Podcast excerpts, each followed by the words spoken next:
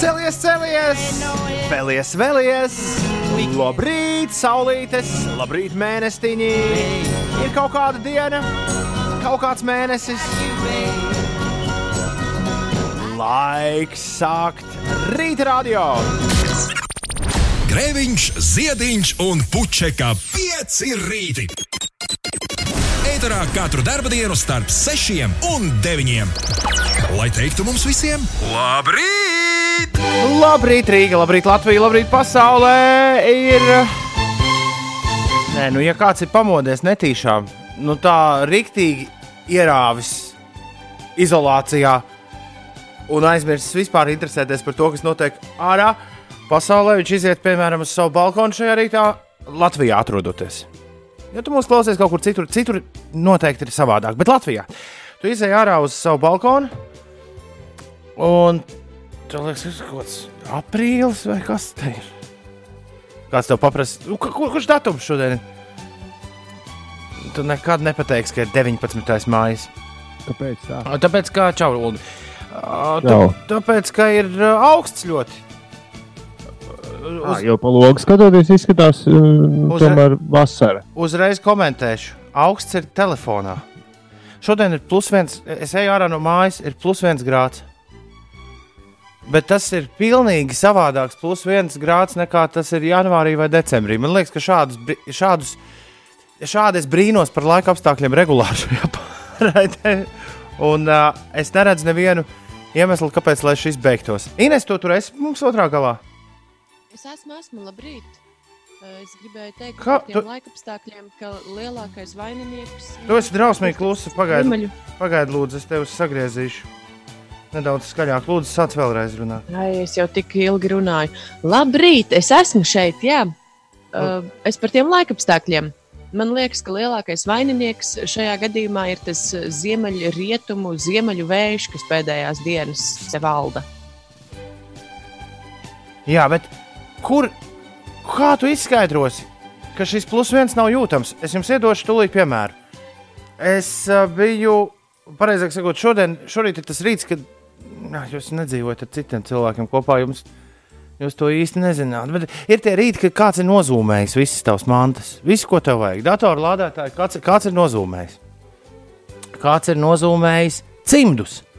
Un es ļoti bažīgi skatos, plus viens. Man nav cimdu. Kā nu būs? Bet es izēju ārā. Ā, šitā ir. Un esmu klāt radio, atbraucis ar velosipēdu bez cimdiem. Un man nesalst rokas. Un ārā ir plus viens grāds. Šis ir interesanti, ko es pats sev nevaru. Jo pēc sajūtām, ja kāds man prasīties, nebūtu skaties, ka tas plus viens. Tieši tas, ko Ulas saka, es teiktu, ka ir tāds plus astoņi, plus deviņi. Tam ir kaut kāds droši vien sakars ar to, kā nu, mazāk atdziest pa nakti. Vai, eh, es nezinu. Kā es gribētu, lai Toms Brīsīs ir daļa no mūsu komandas šādos rītos. Viņš no rītiem mēdz mūs klausīties. Var piezvanīt, apjautāties, vai viņš neguļ šorīt. Kāpēc lai viņš negulētu? Ja nu vienīgi viņam, Tāpēc. ja vienīgi, ja viņu, viņu, et, man nav ne jausmas, kad Tomam ir televīzijas darba laiki. Un man šķiet, ka viņš arī visu kaut ko dara ļoti labi attālināti. Nu, lūk, Šobrīd mēģinu izpētīt, bet man liekas, ka ta- tas ir tas pats, kas citā dažādās pasaules malās viena un tā pati temperatūra. Liekas, citādi atšķirīga. mm, Varbūt, varbūt īstenībā temperatūra ir kā temperatūra, tikai tu esi norūdījies. Nu gan Nu, jo tas, Jā, jo- brauc tas gan būtu interesanti. Vienīgais, ko mainīgais tajā visā ir tas real feel. Un vējš, Nu, tas ir no vēja arī atkarīgs. jo vēja īsti nav. Un Tad ko tas ir šodien saka? izskaidrojums. Jūs viens otru, Jā. jūs viens otru labi dzirdat? Ines ir klusa. Nu, tu kaut kas ines, tu visas saspraudus pareizi. Tev vakar bija vārdi, balīte varbūt kāds rūķīts vadiņus paraustīja. Pirmkārt, balīti nebija manā rūķu dzīvoklī. Otrakārt, viss ir tieši tāpat kā katru rītu. Jā. Savādi gan. Nē, nē, tagad likās viss kārtībā. Vakar Raimis saka, Es ka tas ir skaļāk gaisa sāku runāt. es te grozu visu kaut ko. Arī. Nu, ko Raims saka? Ka tas dēļ gaisa mitruma ir tā atšķirība. Ja ir mitrāks, tad ir augstāks, ja ir sausāks, tad ir siltāks. Līdz ka ziemā ir sausāks. Tā tad ir otrādi. Nu, ne, man nav nejausmas. Godvārds nezinu. Es, tikai ti, kaut kā ticu tam, ka temperatūra ir tāda, kāda tā ir. Un, ja vajag ziemas jaku, nu šobrīd vajag ziemas Vajag, vajag. vajag, vajag, bet, piemēram, bez šālas var iztikt. Nu, es tev par, par, savām, par savām sajūtām saku, šāli nevajag, ziemas jaku vajag. Un arī ar visu ziemas jaku es esmu nu, gan ziemas jaka, gan sporta jaka un, un tāds uh, bītlēns. Tā es esmu ģērbies šajā rītā. Ar visu to es esmu es bišķi iesvīdis, protams, braucot. Bet nu, arī temps, kādā es uh, vālēju šajos laikos, ir neticams. Šodien uzņēmu 18,5 minūtes man prasa no mājām nonākt radio. Agrāk tu 28 to nepieveiktu. Un, jā, draugi, mīļie, vienīgais izskaidrojums, kāpēc tas tā ir, satiksme nav. nav. Klausies, es šovienreiz gribēju te prasīt, bet mēs aizskrējām uz priekšu. Kā satiksme ietekmēja tavu braucienu pirms šī visa? Nu, tu tagad gribi, lai. Tu nevari Tu iedomāties. tagad gribi, lai es stāstu to, ko es nedrīkstu stāstīt. Jo tā nav labi, kā es daru. Bet, ja es neredzu nevienu automašīnu milzīgā krustojumā, nekur, nevienā vietā, tad man arī samiglojas skatiens, un es neredzu vairs nevienu luksuforu. Arī. Labi, skaidrs, vairāk var nestāstīt. Man, es, vien- es vienkārši vienu brīdi ļoti ilgi domāju, kā, kā tu sēdi satiksmē ar Tu velosipēdu. tīņu gados nekad nesbraucis četros no rīta Jāņa laikā pa brīvības ielu pa pretējo joslu. Nē, Ar Siguldā bija viens. ar. Siguldā pirmkārt nav brīvības ielas, un otrkārt tur uh, bija tikai viens luksofors, un tas bija šosei, kur neviens prātīgi riteni nebrauc. Ai.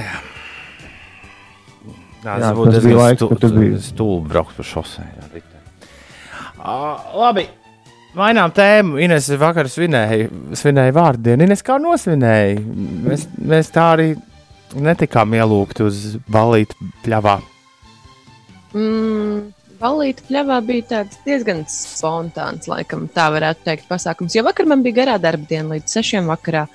Un tad uh, jā, mēs ar draugiem izdomājām satikties uh, Lucau salā.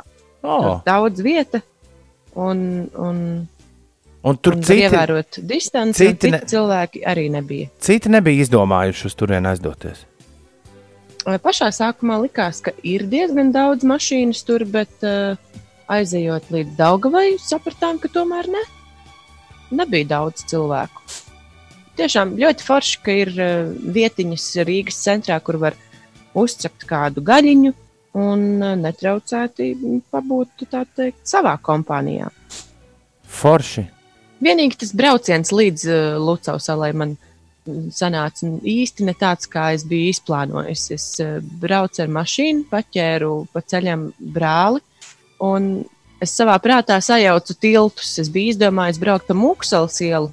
Un tā iedomājos, nu, jā, ļoti forši, ļoti loģiski. No akmens tilta tur tā foršā nobrauktuvīte ir, un tad uz Mūksalas ielas virsū un diezgan ātri nokļuvuši Lucau salā. Bet izrādās, ka braucot, es uzbraucu uz Vanšu tilta. Un. Ui. tur tāda nekāda, nekāda nobrauktuvīte nebija.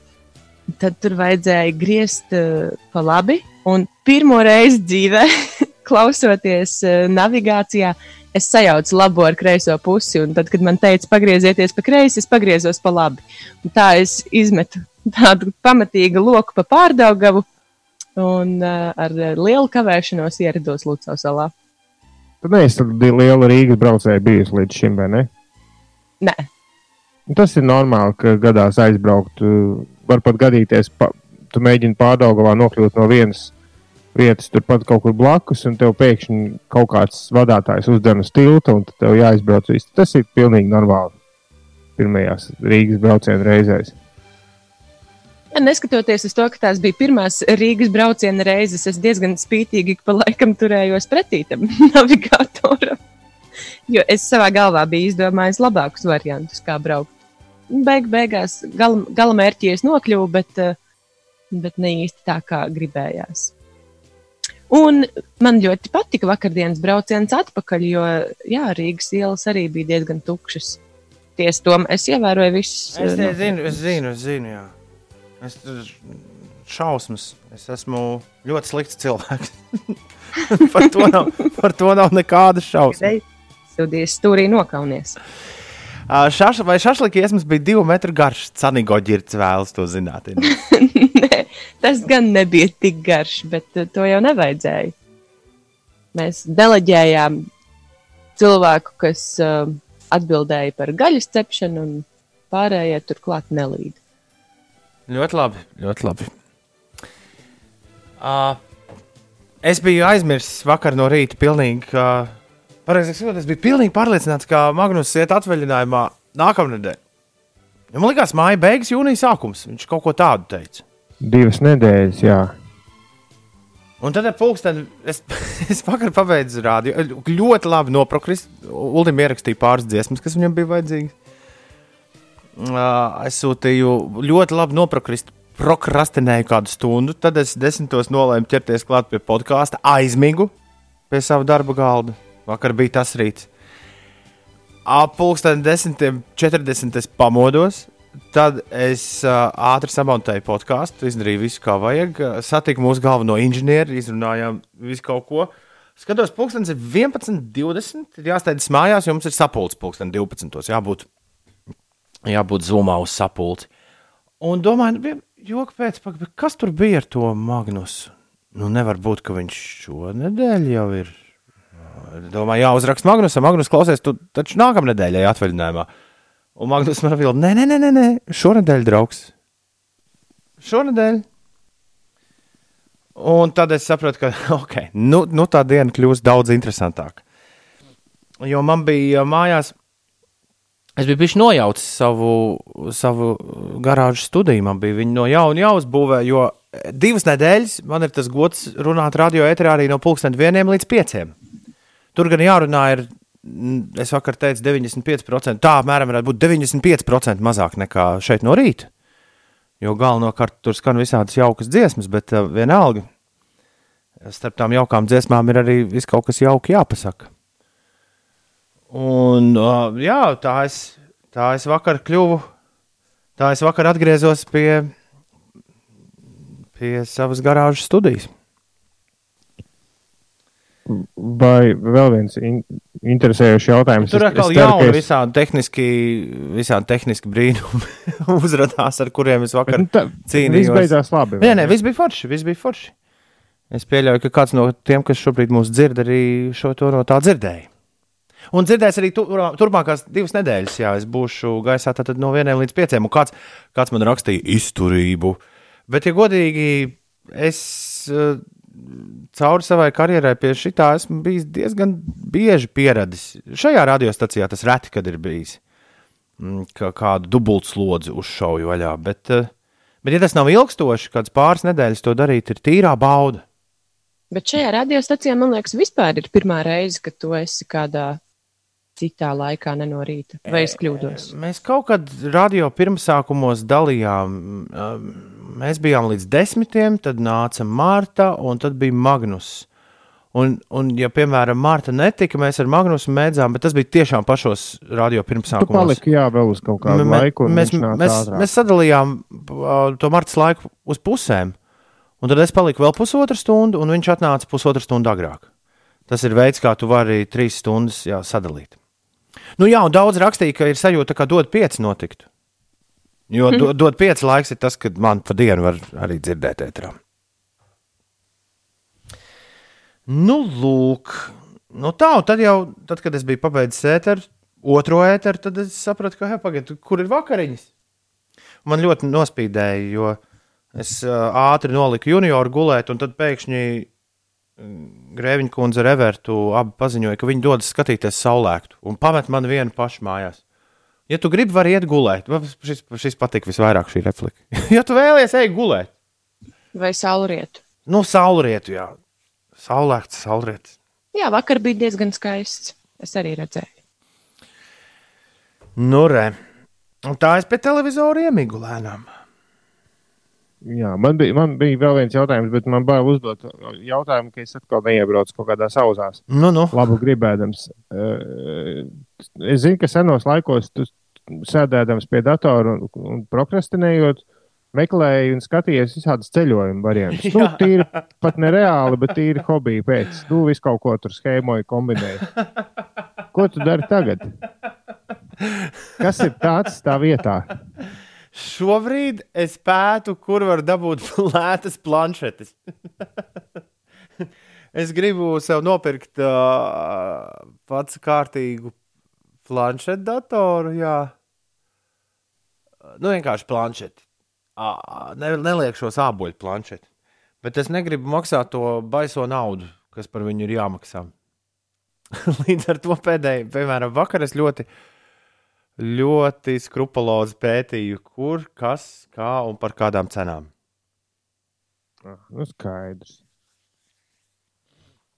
Var sakot, tirgu, veids tirgus izpēti. Ja tas, ir, tā, tas ir tieši tas pats, ko es kādreiz darīju ar ceļojumiem, jā, bet, uh, bet uh, Google Flights mājaslapu es neesmu atvēris tik sen vaļā.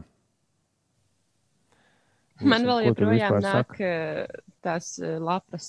Ah, jā, nu viņi mētā, par to, to es arī ik pa laikam redzu. Viņi mētā cenas, jā. Interesanti, piemēram, tur augustā Rīga, Edinburga visu laiku mainās cena. tāda ir tāda, tad ir šī tāda. Kas zīmīgi, viņas vēl nav kļuvušas, nu, piemēram, psihopātiski augstas. Tās cenas, kas tur bija saliktas. Nu, tās, kurām es sekoju, ir apmēram pa 20 eiro pakāpusies cena. Nu, jā, bet tas nav. Nu, vajadzē, vajadzētu, do, man, man kaut kā iekšējā sajūta saka, ka tad, kad avio satiksme atgriezīsies mūsu pasaulē, tad uh, mēs būsim kaut kur tur, kur bijām apmēram 2000. gadā. Un man bija tā laime uh, sākt savus lidojumus 2001. gadā, un es ļoti labi atceros situāciju, ka uh, no Rīgas tiešie reisi principā bija tikai uz Kopenhāgenu un Stokholmu. Un, ja tu vēl... Lidošana vispār likās kaut kas tāds, ne, nu, tāds no citas pasaules. mm -hmm. Jā, Un, un starp citu, arī eh, es to vienmēr esmu jums teicis, bet es to daru atgādināt. Uh, tā bija arī pilnīgi cita Eiropa. Pirms, uh, pirms uzrādījās Ryanair un, un līdz ar to arī vispārējā lēto avio kompāniju industrija. Cilvēki neceļoja tā, kā viņi sāka ceļot te aizvadītajos gados. Tu varēji uz tu varēji Eifeļtornim nepirkt iepriekš biļeti. Tu varēji izstāvēt rindu des, desmit minūtēs un uzbraukt Eifeļtornī. Tu, tu varēji pie Trevijas trūkla, kas Romā pieiet un iemest monētiņu. Tas bija iespējams, ne patiešām. Bet tas ir, šis ir interesants paradoks, jo man, piemēram, ļoti, ļoti patīk būt svešās pilsētās. Bet man viss šī tas, cik ļoti daudz cilvēku ceļoja, man ļoti nepatika pēdējos gados. Un es saprotu, ļoti labi saprotu, ka es pats esmu viens no tiem ceļotājiem un ļoti labprāt vēl kaut kur aizceļot. Tā pašā laikā kaut kas tur likās pilnīgi greizs. Nu, nu tas, es domāju, tas, jūs vienkārši izvēlaties nepareizos galamērķus. Jā, jā, jā. jā. Kā, Nē, nu es, es esmu izvēlējies, nu, te, nu, protams, ka vis, visa kronis visam bija Venecija. Tas, ko es redzēju tur, nu, tā, tā nevajadzētu būt. Es, es pilnībā atbalstu jebkādu pilsētu vēlmi ieviest. Es gan saprotu, ka turisms ienes naudu, bet nu, tas bija briesmīgi. Nu, nu, tāda pilsēta, vienkārši tādi pūļi pilsētā, tu vispār nav neredz pilsētais turistiem. Tur es nevien- pēdējo neviens- reizi, kad es biju Romā, pirms gadiem, trim, četriem, precīzi tas pats, precīzi tas, ko Ulas stāsta. Un es biju. Teicu, jūs vienkārši nepareizus galamērķus. Pirms, izvēlaties. bet pirms 15 gadiem Romā Nē, nu, bet- Ines bija pilnīgi savādāks skats. Tas ir Nu, tas, ko no es tev mums- mēģinu teikt. Un, un tad, kad es tur pirmo reizi biju. Un mēs jau paši arī tos pūļus, nu, paši bijām daļa no tā pūļa, bet izvēloties Nu, ja? kādu galamērķi, kas ir nepopulārāks, tas nozīmē, ka tā darīs ar laiku vēl daudzi. Ja Mhm. viss tā turpinātos, un tur būtu ar laiku tas pats. Jā, lai ar... Vai, bet kāda ir atslēga? Lēta ceļojuma vai par daudz cilvēku pasaulē? Lēti ceļojumi. Es, es domāju, ka lēti pasaulē. Nē, es domāju, ka lēti ceļojumi. Nu, tad tas, tas tā kā varētu būt, ka, ka, ka beigsies. kādu, pa daudz-. Pa daudz cilvēku pasaulē taču lielākoties uh, labojas kļūdos, bet ir uz Indijas un Ķīnas fona. Nu, ja mēs tā, vai un Āfrikas, nu tā skatoties. Nu, jā, un Ķīna, ķīnieši gan ļoti aktīvi braukā, bet nu, jā, savā ziņā ir tur ir visvairāk. Bet, ja mēs runājam par Eiropas ceļojumiem, tad nu, nu, nu, tas, ko tu saki, tas, ne, tas ir tikai un vienīgi zemo avio kompāniju nopelns. Martā Romā tā ir itāļu zima joprojām. Tur tiešām varētu būt Bet, super. eh, Mums raksta kāds klausītājs. Gribat teikt, ka ceļošanai super. tad būtu jābūt eh, kā bagāto cilvēku privilēģijai? Kāpēc gan nevarētu būt lēti ceļojumi, ka tos var Nu, senos atļauties laikos jebkurš? tā bija. Ne, nu, jo jo, jo tas, tas, par cik mazām naudiņām tu vari aizlidot un, un cik lēti tu vari dabūt dzīves vietu, nu, man liekas, ka tas īsti, īsti neatspoguļo. Nu, Lisabonā, piemēram, vietējie tur visās malās protestē pret to, ka Airšmīna ir izpētis visus pilsētas dzīvokļus. Jo tur ir tā, kā mums te ir, nu, Rīgā ir daži tādi lieli, zīti, lieli izīrētāji, kam, pieder, nu, kam ir kaut kādi, tur, nezinu, 11, 20 dzīvokļi. Bet uh, Lisabona ir pilna ar tādiem. Tur visa vecpilsēta ir uh, okupējusi viens milzīgs šmīju īpašnieku tāds burbulis. Tur vietējie, vietējie nevar atrast, kur dzīvošana, jo katrs puslīdz iedzīgs dzīvoklis tiek nopirkts, izremontēts. Tagad jau valsts, eh, Tagad tā ir jau var. katras valsts politika. Es domāju, ka droši vien eh, vajadzētu sakārtot kaut kā likumdošanu, ka tā nevar īsti. Jo, jo. Nu, jā, bet tev ļoti grūti iet pret to, kādu naudu tas ienes. Mm. Un uh, par šo runājot, pirmkārt, tagad jau var. Es domāju, ka Baišā, Lisabonas vecpilsētā, nu jau tu vari noīrēt uz mēnesi kaut ko ļoti feinu. Jo es domāju, tiem cilvēkiem ir uh, tikpat liels ziepes kā avio industrijai, nu, uz kuriem balstījās viss ēršmīna, šmīja burbulis. Un otrkārt, jā, es vakar bišķiņ palūkojos, kādas ir arī nekustamo īpašumu īres cenas šeit Latvijā. Viss kaut kam sāk parādīties. Ugh! Arī mamma vakar sūtīja, ka Siguldā ir pieaugušas cenas. Viņi skatīsies sludinājumus, intereses pēc, un viņi pirms kaut kāda gada. Nu, bet tas atkal varētu būt meklēja. loģiski. Tas at- atkal varētu Man būt liekas, loģiski. jā, ka privāti īpašumi kaut kādās mazpilsētās vai lauku teritorijās. eh, Jo Tagad ir- var visu darīt attālināti, kāpēc lai nepārvāktos Jā. dzīvot uz Siguldu.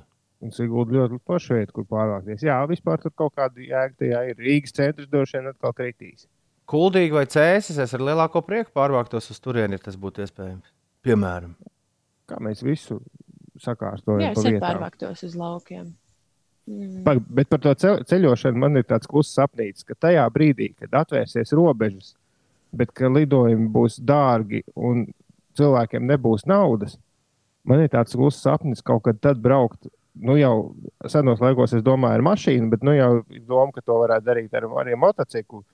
Vienkārši lēnā garā ducināt uz tādu pašu Romu, nu nesteidzoties pilnīgi. Braukt tik, cik var aizbraukt, un, un iedomājieties, kāds miers būs tajās pilsētās. jā. Daudz laiku vajag vienīgi. Jā, lai bet, tā bet lēnām ne- Es, do, es domāju, ka, jā, un ja runājam par, par avio, tad mana doma uh, par to, ka tad, kad starptautiskā gaisa telpa būs atkal vaļā, tā kā visa vaļā, un, un te droši vien es runāju par kādu 2022. gadu. Man šķiet, ka tajā cenas uh, pret piedāvājumu attiecībā tas būs īstais laiks, lai vienreiz beigtu, jā, beigtu sīkstuļoties un nopirkt biļeti uz Japānu, piemēram. Jo iespējams, ka tas būs tikpat Tieši tā. dārgi vai Kā- lēti kā aizlidot uz Londonu, vai jā. Turcija. Vai, Jā. jā. Nu, e, man, man šķiet, ka lidojumam ir, jā, ir, forši, nu, ir kaut kāda tāda labāka sajūta, ja tas lidojums maksā tā, nu, tik, ka tu vari atļauties reizi gadā to ceļojumu. Nevis tas, tā kā, tā kā te es biju pasācis uz ķelni lidot par 15 eiro. Nu, kā, nu, tu, tu vari nopirkt uh, avio biļeti uz kaut kādu Eiropas galamērķi, jo tīpaši Londona visu laiku bija tik lēta. Tu vari nopirkt lētāk nekā mašīnai pieliet degvielu. Nē, es tam īsti nepiekrītu. Nē, Ines, Ines ir skarba šajā. Nu, jā, bet tu, tu, pēc, tu domā par to, ka tev būs ērti lidot, bet, bet gribas jau, lai tas nu, man kā senu grāmatu lasītājiem, un, un nu, gribas tā kā senos laikos, ka tas ir kaut kāds liels notikums. Nu, tu, Tas ir Tā tāpat svētki. liels notikums. Tu aizbrauc uz kādu citu pasaules malu, paskatīties, kā tur izskatās. Kāpēc tam ir Nu, tas- jābūt eh, bagāto privilēģijai? Tāpēc, ka tas patiesībā izmaksā dārgi. Tur tajā visā Mēs esam ekonomikā. ka- Kāpēc? Tieši tāpēc mēs, mēs lidojām pa tiem pār, pār 11 eiro tikai dēļ burbuļu. Bet kāda starpība tu esi patērētājs? Kāpēc tev ir jādomā par to, ka tas patiesībā izmaksā dārgi? Tev ir iespēja braukt, brauc. Jā, nu vairs nebūs. Es gribu, lai, lai, to, Nebūs. lai to Es īsti kaut kā neticu tām jūsu prognozēm. Es domāju, ka nebūs tik traki ar tām cenām. cilvēki šobrīd apceļo paši savu valsti. Ļoti, ļoti priecājas par to, cik daudz es kaut ko un tas ir interesanti Latvijā. Viņš nomierinās, visi tie turisti pūļi Romā un kur tur nav. Un tad tā pamazītiem. Nu, gan jau kāds skries viss atpakaļ dažos gados, bet, Bet nu, tā mieriņa. Nu, vajag. labi. Uldi saka, dažos es saku, ka mm, kādu laiciņu būs miers. Varēs pie trevijas trūklakas pieiet klāt. Ir seši. Nu, tādas ir prognozes, Ines. Tagad tev tikai šo vajag atcerēties. Un tad, tu, tu, tajā brīdī, kad mēs būsim kļūdījušies, tad tu pirmā ja, no rīta tik līdz ieskanēs klim, klim, klim, klim, klim, klim, klim, klim. Tā! Jūs abi divi teicāt šitā un šitā. Jā, 19. maijā. 2020. Atcerēšos. gadā jūs teicāt, ka, nu, tu Toms teica, nu, tur jau vēl 22. gadā nekas nebūs. Kaut tā būtu, Ines. Kaut tā būtu. Starp citu, par avio runājot, es uh, gribēju teikt, ka man ir izdevies sazināties ar savu līdzsabiedrību, kas Wow! bija plānojis nodrošināt manu lidojumu 8. ne, 9. aprīlī uz Maltu. Aha, Es zinu, ka ir bijusi problēma cilvēkiem ar to, bet uh, vakar es tā no rīta izdomāju, ai, nu, pamēģināšu. Un izrādās, ka man diezgan ātri atbildēja tur chatiņā. Vienojāmies chatā pēc uh, pāris mēģinājumiem mani pārliecināt izmantot uh, voucheri. Kā tas, iz, kā tas izpaudās? Es rakstīju, ka eh, gribu, gribu saprast, kas īsti notiek ar eh, mani, manām eh, biļetēm. Es saku, es gribētu pieteikties eh, naudiņas atmaksai. Un man atbildēja, jums uz e-pasta ir nosūtīts vouchers. Es saku, jā, bet es voucheru negribētu izmantot. Tad man atsūtīja tādu pagaru sarakstu ar visiem labumiem, ko vouchers eh, es viņam rakstīšu, ka man nav ko ēst. Man vouchers nedod ēst. Es Jā. saku, es eh, ļoti labi saprotu situāciju, bet tā kā mēs nezinām, Ats- kas īsti notiks ar ceļojumiem nākotnē, es saku, drošāk ir tomēr paņemt naudu, nevis eh, pārcelt, piemēram, lidojumu uz nākamo gadu. Vajag Nu, teikt, ka tad- tu esi frontline worker. Tas ir labi atslēgas vārds. Frontline worker, ok, jā, ļoti labi. Šito, Man jā, liekas, ka tas cilvēks otrā galā jau bija tik ļoti bieži saskāries ar šo te jautājumu pēc naudas atgriešanas, ka nu, tāda liela pierunāšana no manas puses nemaz nebija vajadzīga. Man jau uzreiz pēc tam pateica, labi, mm, dabūsiet jūs atpakaļ naudu, bet mēs nevaram jums noteikt eh, laika rāmi, cik ilgā laikā tas notiks. Wow! Un es teicu, nu, labi. Toties es esmu money. dabūjusi. Toties es esmu dabūjusi apstiprinājumu, ka, ka esmu ievietota rindā pēc naudas. Un uh, tas, ko man atrakstīja, ka uh, jebkurā brīdī, līdz brīdim, kad man ir ieskaitīta nauda kontā, es varu izmantot voucheri. Bet man šis izklausās pēc zvana tomēr uz patērētāju aizsardzības centru. Jo, ja, ja, ja tas nav terminēts, šī tava naudas ieskaitīšana, tad tikpat labi viņi tev ieskaitīs to 2024. gadā. Nu, tā, Bet tā apmēram ir. Bet man arī mazliet jau- likās. Anglijā, man liekas, par to arī viņas tur mēģina nu, ņemt priekšā. Tas jau haidī, nu, tas taču nav, nu, tas nav Nu, tā ir. nopietni. Bet tā ir visiem šobrīd. Nu, paskatīsimies, man ir, uh, man ir ļoti dārgas biļetes uh, pirms jāņem uz Boloņu, Vācijas uh, jā, Nacionālajā avio kompānijā. Paskatīsimies, kā ies ar to, jo es bišķiņi ceru, ka tas, tā man būs tāda laba prēmija ap jāņem. jā, Tur varētu būt bijis labāk, jo, jo šie Es ceru. ir. Es ceru. Jo un arī cena ir, arī naudiņa, kas tur ir iekšā, ir, daudz labāka par, par to, ko mēs esam iztērējuši pie īriem.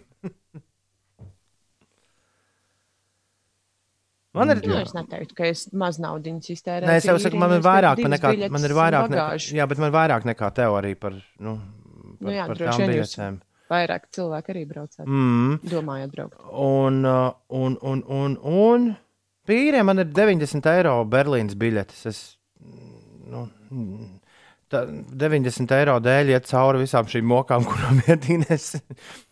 Visp, vispirms jāpaskatās, kā tev iet, un tad uh, jāizdara secinājumi. Bet, uh, bet jā, Nu jā, rekur rakstīts, ka uh, Ryanair šobrīd visus uh, liek uh, rindā uz brīdi, kad, kad Covid-19 būs beidzies. Bet uh, Anglijā kaut kādi patērētāja aizsardzības mm, aktīvisti viņus nu, mēģina caur, caur Anglijas patērētāju tiesību aizsargiem kaut kā tur bakstīt. Katrā ziņā, laikam, neviens naudu nav dabūjis. Girts raksta, ka Kaut, viņam nē, tā, kaut, kaut, kad- kaut kas mums rakstīja, ka naudu ir dabūjuši. Tepat Latvijā. Girts raksta, ka viņam tāda pati situācija, tikai ar mūsu nacionālo avio sabiedrību. Teica, ilgi jāgaida. Protams, gaidām. Bet uh, kuģu kompānija viena divu nedēļu laikā atgrieza naudu, jo visur bija sapirktas biļetes.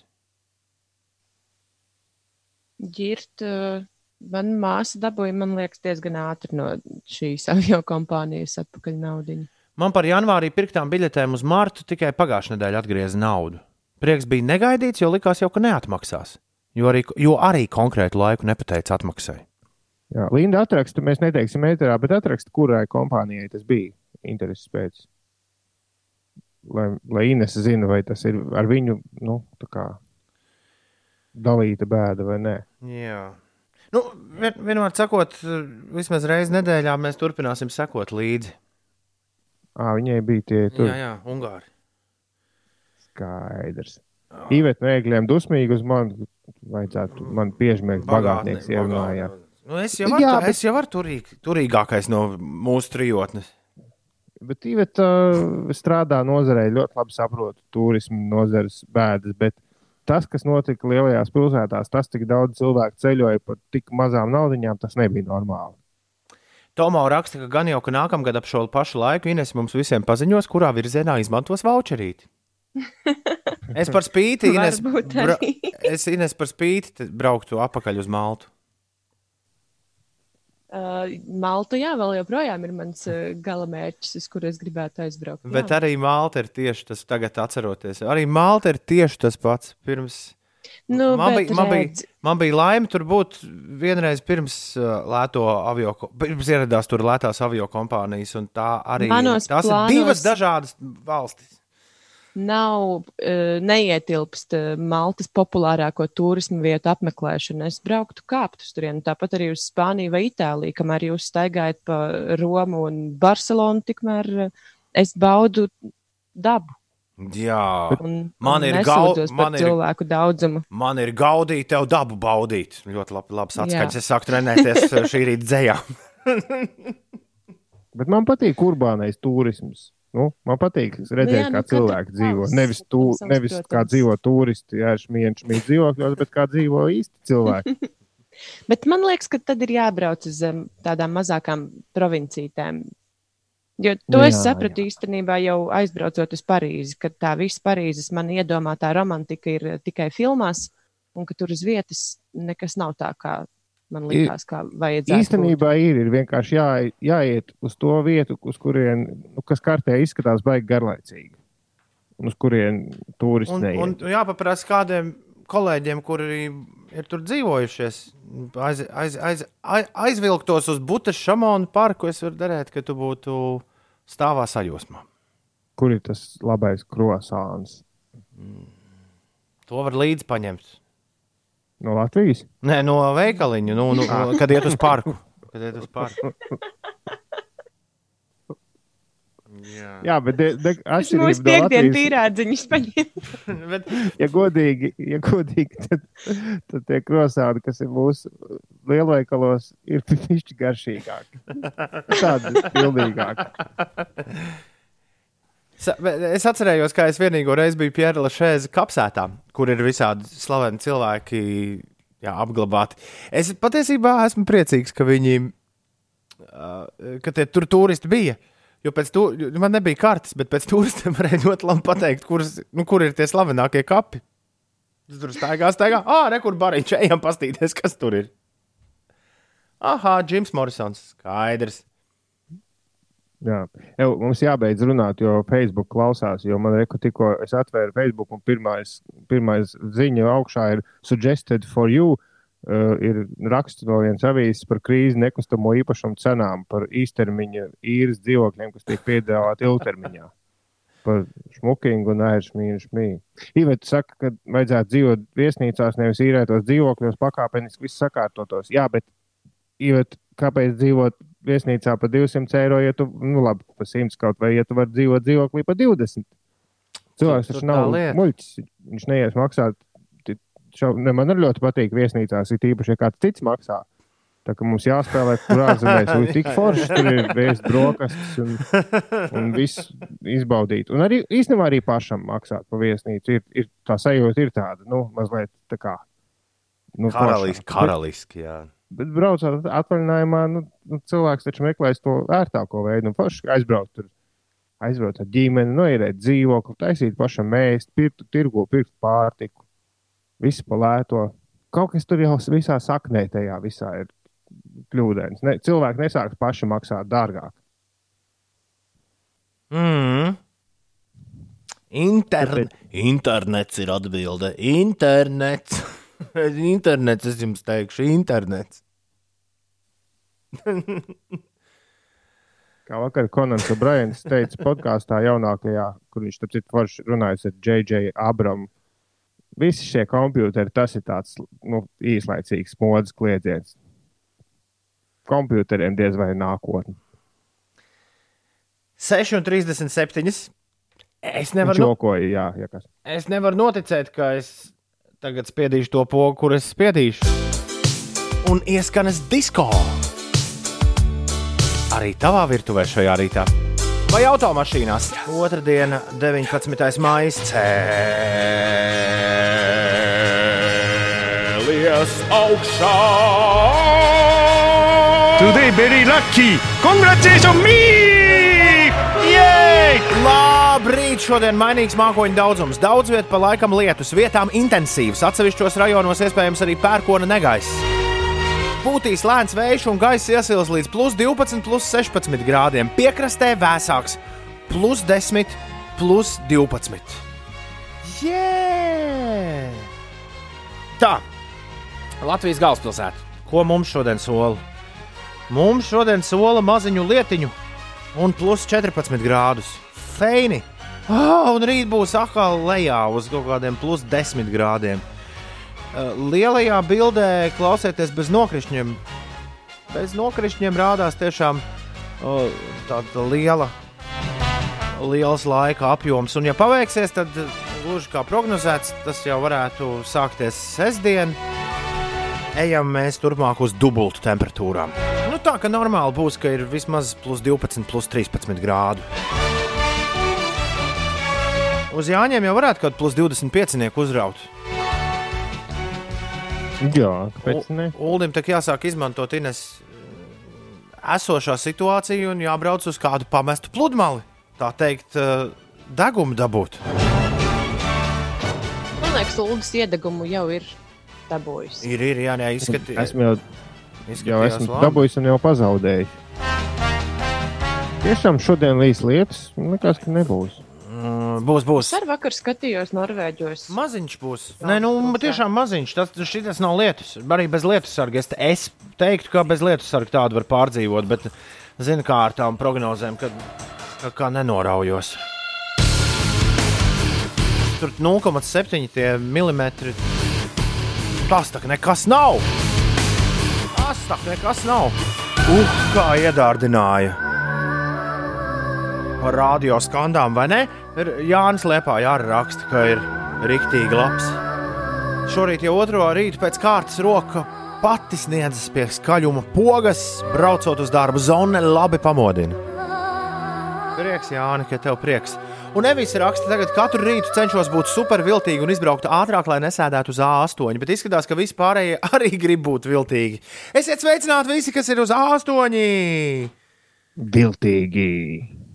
Giltīgi, jā. Nu, es zinu, ka struntīgi, ka te ir trīs cilvēki, ja, rīdzi, rīdziņā, divi mājās pie tam sēž, kuri ļoti priecājas par to, ka jūs tur esat iestrēguši. Bet beidzot mums ir klausītāji, kuri var paklausīties, ko mēs darām. Nu, jā. Tā kā Evis patīkam, patīkam sēdēšanu un klausīšanos. Pastāsti, pastāsti Ines Evisai, kas notiek.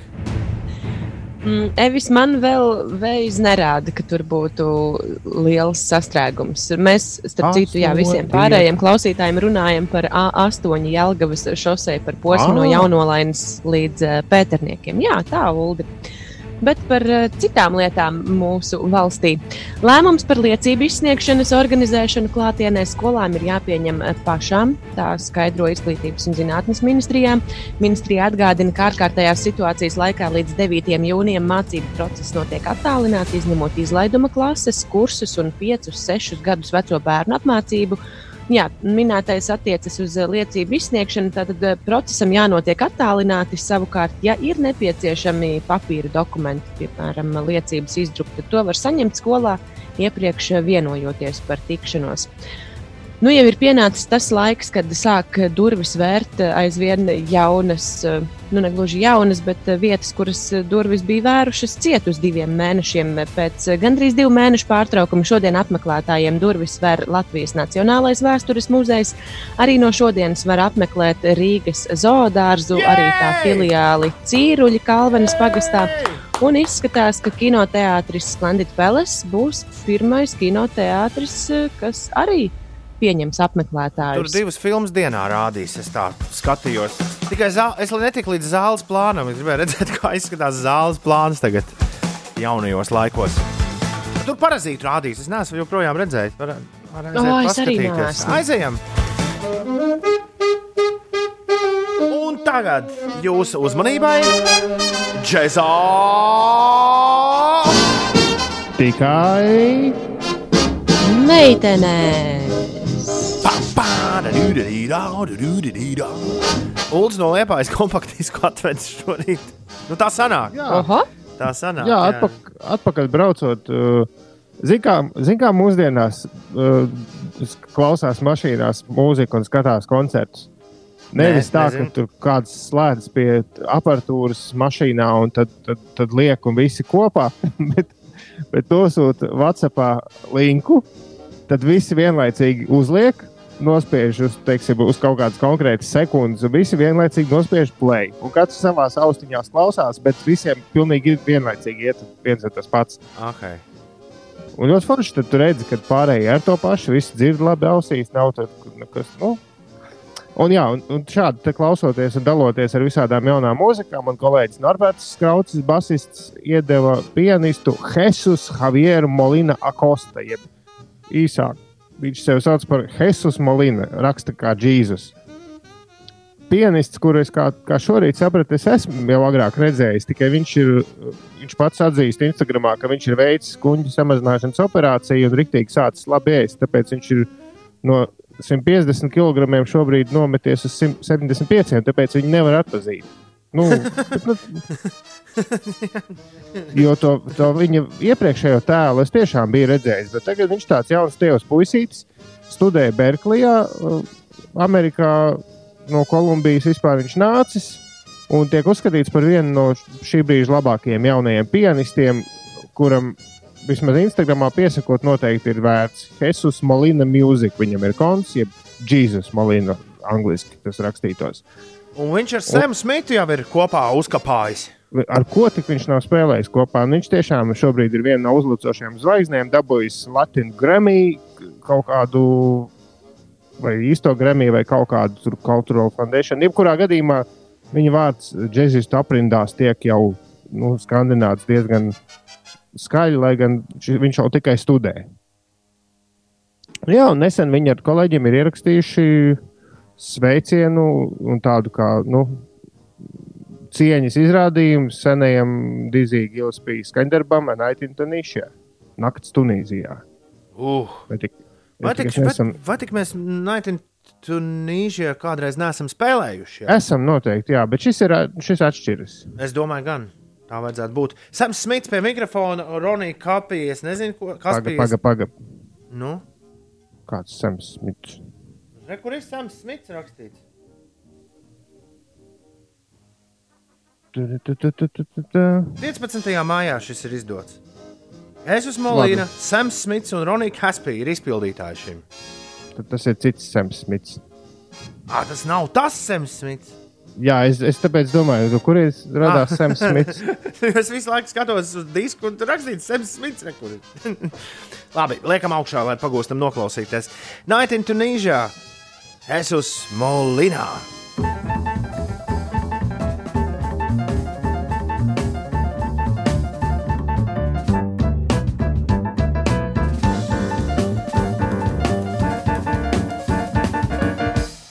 Wow! Jesus Molina! Night in Tunisia! Katru otrdienu džēzā tikai meitenes. Kad tu pēdējo reizi kādam skaloji smadzenes? Pārbaudi savas pārliecināšanas prasmes ziņu spēlē Smadzeņu skalotava. Smadzeņu skalotava. Dodies uz LSM LV, izvēlies savu lomu un skalo smadzenes. Šorīt mēs ļoti daudz runājām par, uh, patiesībā fantazējām par to, kas nu, varētu notikt ar avio industriju pēc visa. Pēc visas šī pauzes spiediena, kas šobrīd notiek uz planētas, bišķiņ tādās drūmākās krāsās, arī šo to pakrāsojām, bet Uldis ir noskaidrojis, kāpēc līdz šim mēs varējām tik lēti lidot. Nu, nenoskaidroju, bet paspēju izlasīt vienu podkāstu atreferējumu, kur gudri vīri par to spriež. Nu, nu. Nē, nu, princips īstenībā ir elementārs. Viss, kas tev ir jāizdara, ir jādabū pilnas lidmašīnas, pēc iespējas pilnākas. Tāpēc arī tajos Boeingos, kurus citi lidina 160, ir lidina 200 cilvēkus. Un tāpēc arī pārdod vairāk biļetes nekā ir lidmašīnās, jo galvenais, lai tev ir visu laiku pilnas lidmašīnas.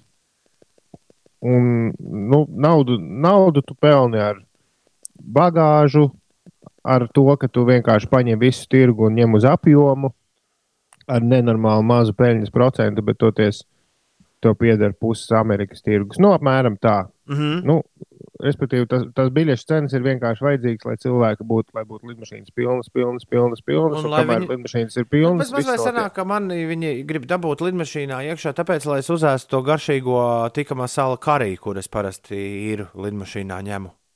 Nu, arī, un, un lai tu somu vestu, un, un lai galvenais, lai tu būtu, un lai nelidotu ar citiem. Un tie citi iet, iet uz grunti un pārdod savas mazās avio kompānijas iznīkst un lielās, lielās plaukst un zeļ. Un tas viss darbojas līdz brīdim, kad ir kaut kāds iemesls, kāpēc pēkšņi vairs nav pilnas lidmašīnas, kā ir tagad. Jā. Un tad, kad tev vairs nav naudas, tad tu stāsti visiem, ka vajag izmantot tavu voucherīti. Jā. Tas par to, tiem, kas nezina, tas par to, ka Inese vakar sačatoja ar avio kompāniju, kur teica, ka, nu, labi, tomēr, nu, ja tu tiešām, tiešām gribi naudu, nevis lidojumu, nu, labi, bet tad kaut kad. Nu, ne jau Nu, kad šodien, būs? ne jau šodien, Kad ne jau būs? rīt. Kaut kad, kad mums Jā, būs kad nauda, būs- tad nu, mēs kad tev būs, iedosim. Šitā arī nu, privātie parādnieki varētu. Un daži jau arī tā dara. Tā ir, jā, jā. jā. Piedu, piedu, nav, nu, nav vecīt, nav. Nu, būs, kad būs, tad Kad kaut būs, ko tad- ieskaitīšu. Vo, vo. Jā, tā viņš Man ir. vislabāk patīk tā, tas joks, kas klejo internetā par avio kompānijām. Nu, jau pirms kāda laika tas bija, kur bija rakstīts, ka avio kompānijas lūdz eh, pasažierus, eh, klientus eh, būt saprotošiem nu, šajā situācijā. Un tad bija pierakstīts klāt, vai tiešām. Vai jūs bijāt saprotoši, kad mana bagāža svēra par 200 gramiem vairāk nekā vajag? Vai ne? Vai ne? Jā, Nu, jā. Tā. Un Tā mums tālāk jādzīvo. Kā tev, kā tu pamanījies, Ines, eh, aizmirst pieregistrēt automašīnu uz savu vārdu? Ne jau gluži aizmirst, pieregistrēt. Nu, Pārrakstīt, es pārrakstīju. Uh, Es, Bet- bet, bet, bet- bet, es jau esmu tālu no tā visa, tāpēc es nesaprotu, kur bija cepiens. Bet vakar pēc raidījuma izrādījās, ka Inesē ir daudz naudas jāmaksā par kaut kādu nu jā, dokumentu tas- Ar formēšanu. to jau laikam vajadzēja rēķināties. Jo Nu Jā, bet kā tev izdevās to aizvilkt tā, ka tu to pēkšņi pēdējā brīdī saprati? nu, nebija jau tā, ka pēdējā brīdī sapratu. Man uh, šobrīd ir tā, ka var visu kaut ko darīt attālināti internetā, bet nevienmēr tā darīšana. uh, Kā saka, iet kā smērēts. Un pirmajā reizē, kad es mēģināju pieteikties uz uh, tehniskās pasas uh, izgatavošanu uz mana vārda, tad man tur kaut kas nesanāca. Un, Reģistrācijas Es- apliecības. jā, jā, jā. jā. Tāpēc, ka man es ierakstīju tehniskā pasta Twitterī, un man Reinis, krapas Reinis uzreiz. Reģis, pasa bija padomju laikā, tagad ir reģistrācija. Es ļoti atvainojos, jā, reģistrācijas apliecība. Un tur kaut kas nogāja greizi, un es nevarēju vai nu kaut ko. À, tur ar adresēm kaut kas nesagāja, kā vajag. Es nevarēju ierakstīt savu lauku adresi, nezinu kāpēc, mm, lai saņemtu reģistrācijas apliecību. Un tad vajadzēja izdomāt man kādu citu adresi, uz kuru lai man to, to sūta. Nu, es nebiju gana pacietīga, un tad reizē es to atliku, un tad aizmirsu, un tad beigās vakardien nokārtoju. Klausies, es Ines izdomāju mīklu. Oskars jautā, kādas markas auto ir Inesei. Es drīkst atbildēt tā vietā. Droši. Nu. Inesei ir tādas markas, nu, pat ne marka, bet modelis. Ir tas, kurā ir tikai meitenes. Ļoti labi. Ļoti labi.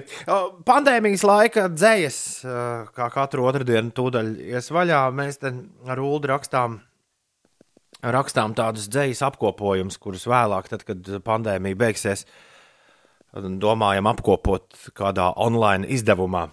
Bet, Vai arī izmest, vai arī, Vai arī, vai, vai arī izmest ārā. Jā, jā divas iespējas. Divas iespējas. Ā, Inês mums dod tēmu, un tad mēs katrs savā nostūrī dzējojam. Mēs studijā Uldis mājās. Jā, jo mēs neesam šobrīd visi kopā. Mēs esam katrs savā vietā. Un, ā, un tad, jā, pēc maz mirklīša mēs jums parādīsim, ko tad esam šorīt sadzējojuši. Tikai Inesē ir jāiedod kaut kāds virziens vai, vai tēma mums priekšā, jo to jau mēs darām tikai Ineses dēļ. Cik mīļi, Oskar un Dastī, jā, jums ir taisnība par uh, manu automašīnu, starp citu. Kādi atjautīgi mums klausītāji. Es vakardien ilgi nevarēju aizmigt, un es domāju tieši par šo dzējas padarīšanu. Un, Interesanti, ka tev tas vakar- sagādā visvairāk sirdsēs, Vai ne? lai gan tev nekas nav jādara. un es, nē, es zinu gan, kāpēc vakar manas domas aizveda līdz uh, hokejam un, un sportam. Jo vakar notika pirmais uh, īstais treniņš uh, Latvijas hokeja izlasē. Un vakar ejot gulēt, es domāju, ka šis taču bija tāds laiks. Kādreiz, kad uh, notika hokeja pavasaris, un jau kopš pamatskolas uh, pasaules čempionāts hokeja man Man ir. vajadzēja vienmēr palikt tajā A grupā. Ah, Jā, obligāti, obligāti. Es atceros, ka es pamatskolas laikā es tiešām raudāju pēc vienas spēles. Man šķiet, tā bija Latvijas ASV spēle, kur mums neieskaitīja vārtus. Un man likās, ka tā ir lielākā pasaules netaisnība. Jā, tāpēc um, es izdomāju, ka jums ir jāsadzējo dzējas par hokeju, par fanošanu. Nu, ja dikti gribat, tad arī par e-sportu. Nu, Bet labi. tematika ir eh, sports. Pārsvarā hokejs, bet, ja vajag, tad arī e-sports. Šis ir piefiksēts. Ines būs. Solu, ka būs. Ir 15 pār 7. Otradien, 19. maija. Labrīt! Cēlies augšā! Labrīt! Te Lauris Reiniks! Celies augšā! Un uh, ne tikai Lauris, bet arī pieci rīti kopā ar jums. Raidījums, kurš skan šajā radiostacijā darbdienās starp 6 un 9, kurā ļaudis vairāk runā nekā muzika laiž. Bet tad, kad laiž, tad uh, kā laiž!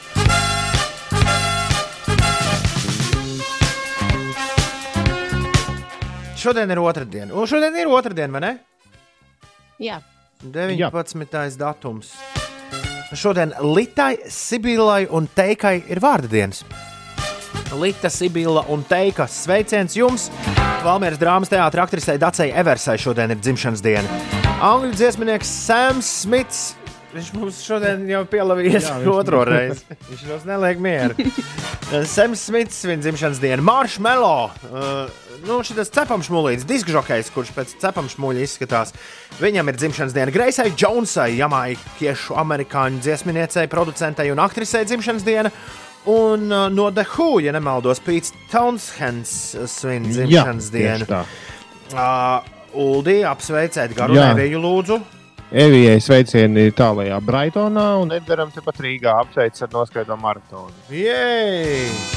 un no manis sveiciens manam Edgaram brālim. Petersonam es atvainojos un Evijai Marīnskai. Piedod, Ines, es nepateicu. Nu, Ulu, tu sabojāji manu sveicienu. Nu, Mēģinu Labi. vēlreiz. Piedod, es uzvārdus aizmirsu. Jā, bet man, uh, mans sveiciens ceļo pie mana mazā brālīša. Arturam ir uh, dzimšanas diena šodien. Mēs tā viens pēc otra man vārda diena, un tad viņam dzimšanas diena. Uh, ja tev ir 18, tad viņam ir 16. Artur, Apmēram tā. daudz laimes! Šis ir pieci. Feel these heavy times. Šis ir King Charles. Joprojām labā garstāvoklī, labi izolējies. Nu, tur tālēs zilajās Londonā.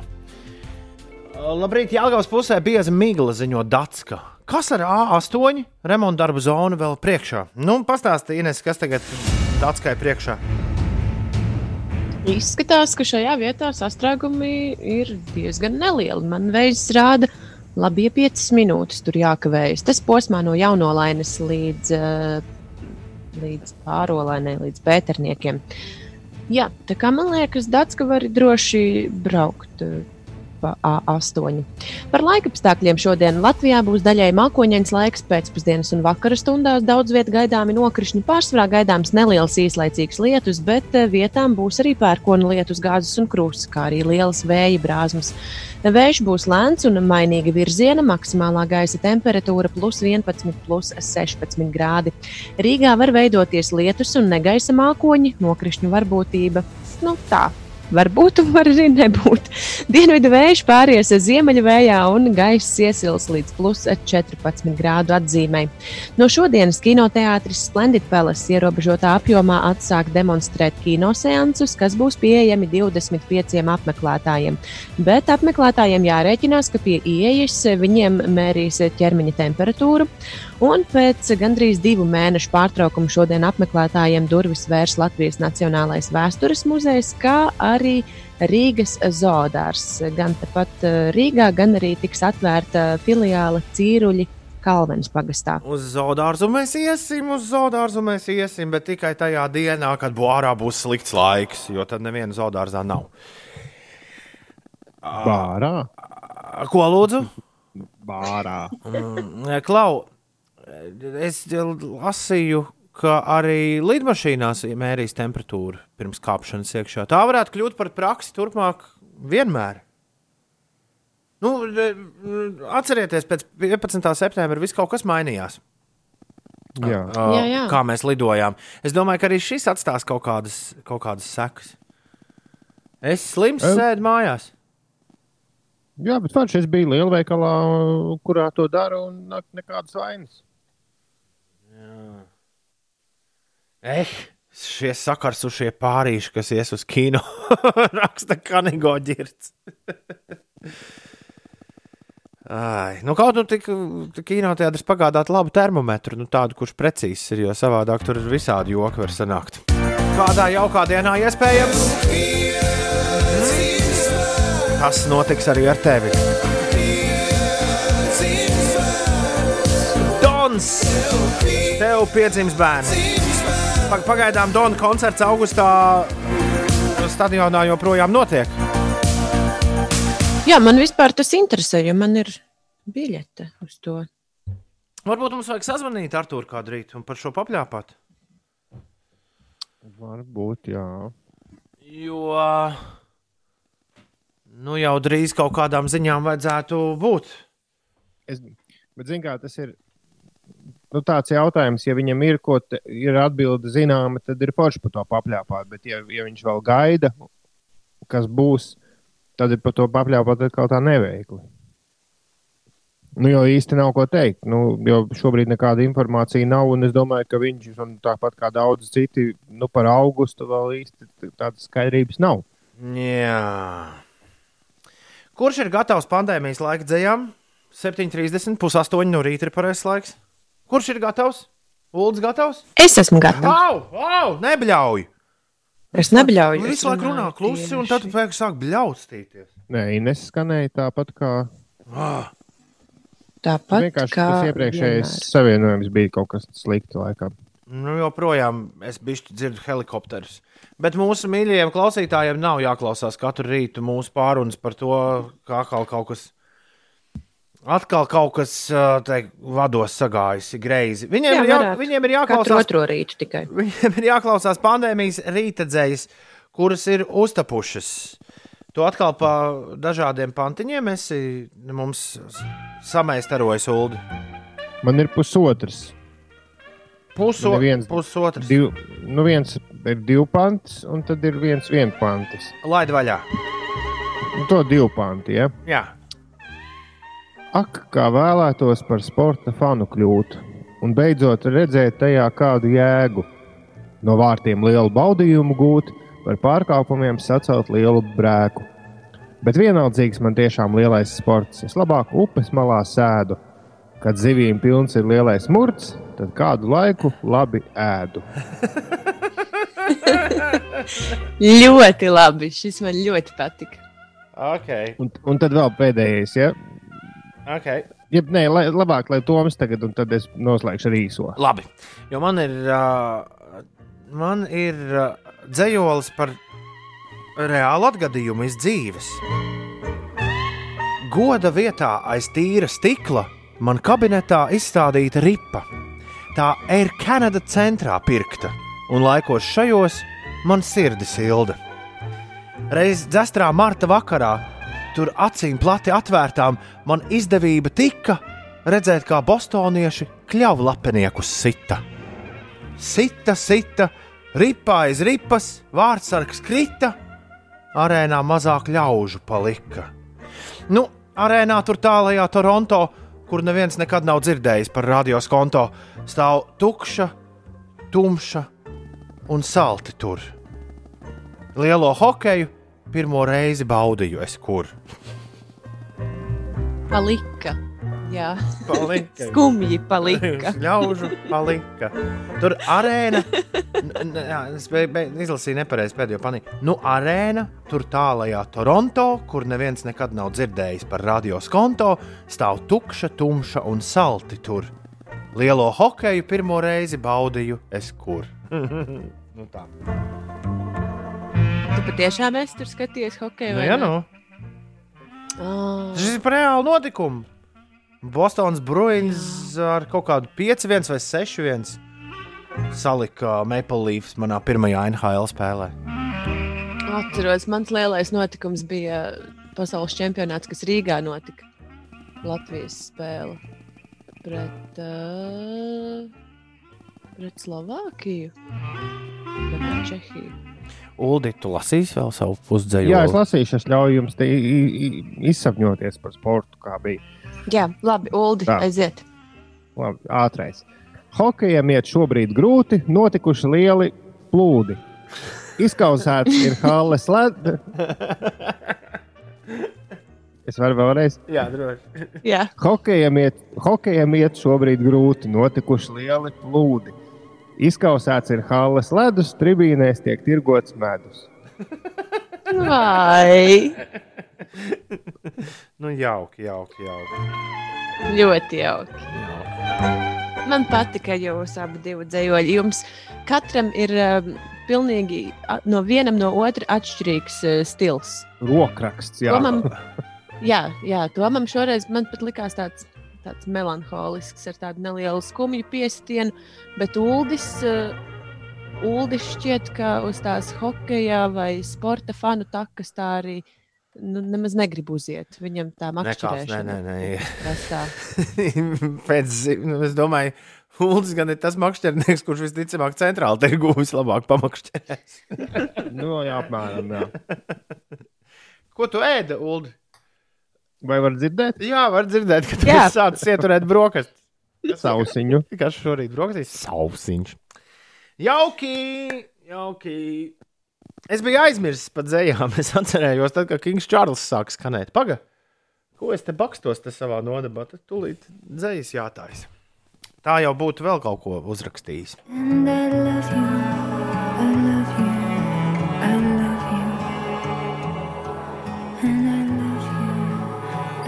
Es visu laiku nevaru izdomāt, pateikt, Inesai to, ko es gribu pateikt, vai neteikt to, ko es gribu pateikt. Pēc Auroras un Exist for Love.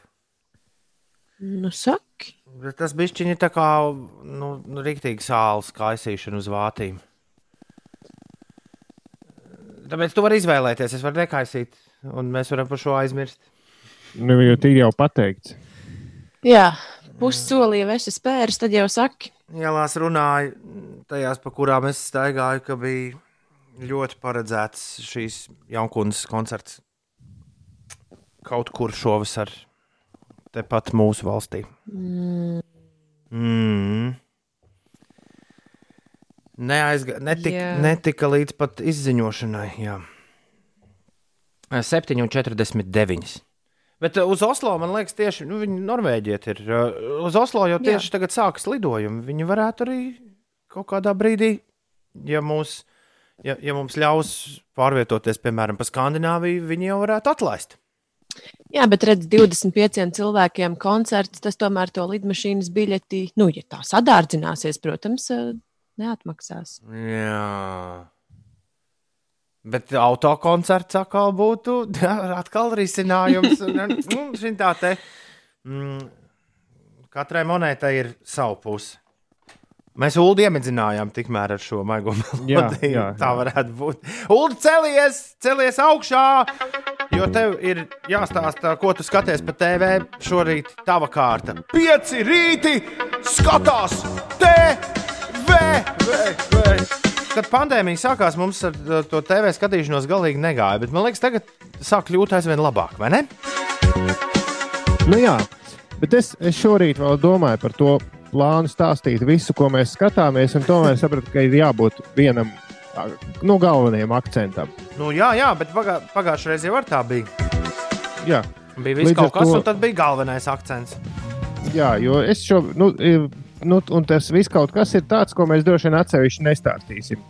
Jo par seriālu biljonus mēs esam runājuši jau miljardi. Jau vairākas reizes, un ir tas, ka ir sākusies piektā sezona, kurā šobrīd ir vēl tikai divas sērijas, vai nu jau ir trešā, laikam, ko tur, ko, ko pēc, kas pēc tam uzrādās arī mūsu pašu straumēšanas servisos. Uh, par to es biju ļoti patīkami pārsteigts. Turklāt nonācu līdz tam, ka sērijas, uh, nu, ka jaunajai sezonai pirmizrādes nonāca pilnīgi nejauši. Skatījos, kā Pauls Timrots liek kaut kādas moču lietas Instagram un iedomājos uzmeklēt, kas tas bija par motociklu, ar ko brauc seriāla biljons galvenais varonis. Un iegūlējot šo seriālu, pēkšņi uzzināju, ka tieši tajā datumā ir pirmā jaunā sezonas sērija. Nu, Tāda reizēm tā sakrīt. Viss. Forši. Jā, seriāls ir foršs. Tur viss par, par naudas lietām, par lielo biznesu, un visādām krāpšanām, un ne tikai nekrāpšanām, un par miljardiem un tā tālāk. To var paskatīties. Rick and Morty ir sākusies jaunā sezona, kuru laikam vispirms rāda kaut kādā tur adulta svim, un tad pamazām Netflixī.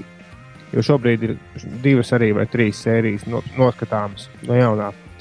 Bet vakar es uzsēdos beidzot uz kaut ko tādu, ko jau kuro kuro gadu domāju skatīties. Šobrīd man liekas, ka ir četras sezonas pieejamas seriālam Money Heist. Money Heist. Par to runā viss Edgars Bāliņš pieminēja šajā programmā Money Heist pirms kāda mirkļa. Un Money Heist regulāri. pareizi to izrunā? Manī haist. Nu, jā. Nu, jā, tā kā aplaupīšana. Um, Vai heist? heist? Heist? Tu domā, kāpēc? Lai būtu heist. Nē, labi, droši vien tādā sarunu valodā visi vienkārši saka money haist. Uh, bet uh, šis, uh, šis, uh, šis seriāls Raksta regulāri heist, ir. Šis seriāls regulāri ir Netflix Latvijas top desmitniekā. šobrīd. Tas gan, Pelnīti. tas gan ir fiksēts. Tur gan visādi nu, tādi lieli fani kaut kādā seriālu apspriešanas Facebook lapās raksta, ka, nu, jā, pēc pirmās sezonas tur bišķiņi iet uz leju, tas viss. Bet, nu, īstenībā es nezinu, vai, vai, vai man šķiet, ka tas ir tāpēc, ka tu vienkārši pirmo sezonu skaties kaut ko pilnīgi jaunu. Un, un ar plaši atvērtām acīm, un pēc tam ir, tu pierodi pie tā. Labi, bet kur sāls apraksts? Kāpēc jāsaka? Jo es neesmu redzējis ne sekundi no manis heist. Pārdod vai heist, pārdod man šo seriālu. ļoti aizraujošs un ievelko, ievelkošs, popkorniski labs sižets. Par, par kurā viss notiek nu, tā kā. Nu, nu, vismaz pirmajās divās sērijās ir ļoti forši skatīties seriālu, kurā notiek tā, kā tu gribētu, lai notiek. Skaidrs, ka droši vien pēc tam tur viss kaut kas noies greizi. Bet kas Stāsts, tur notiek? ko tad? Nu, kas tur notiek?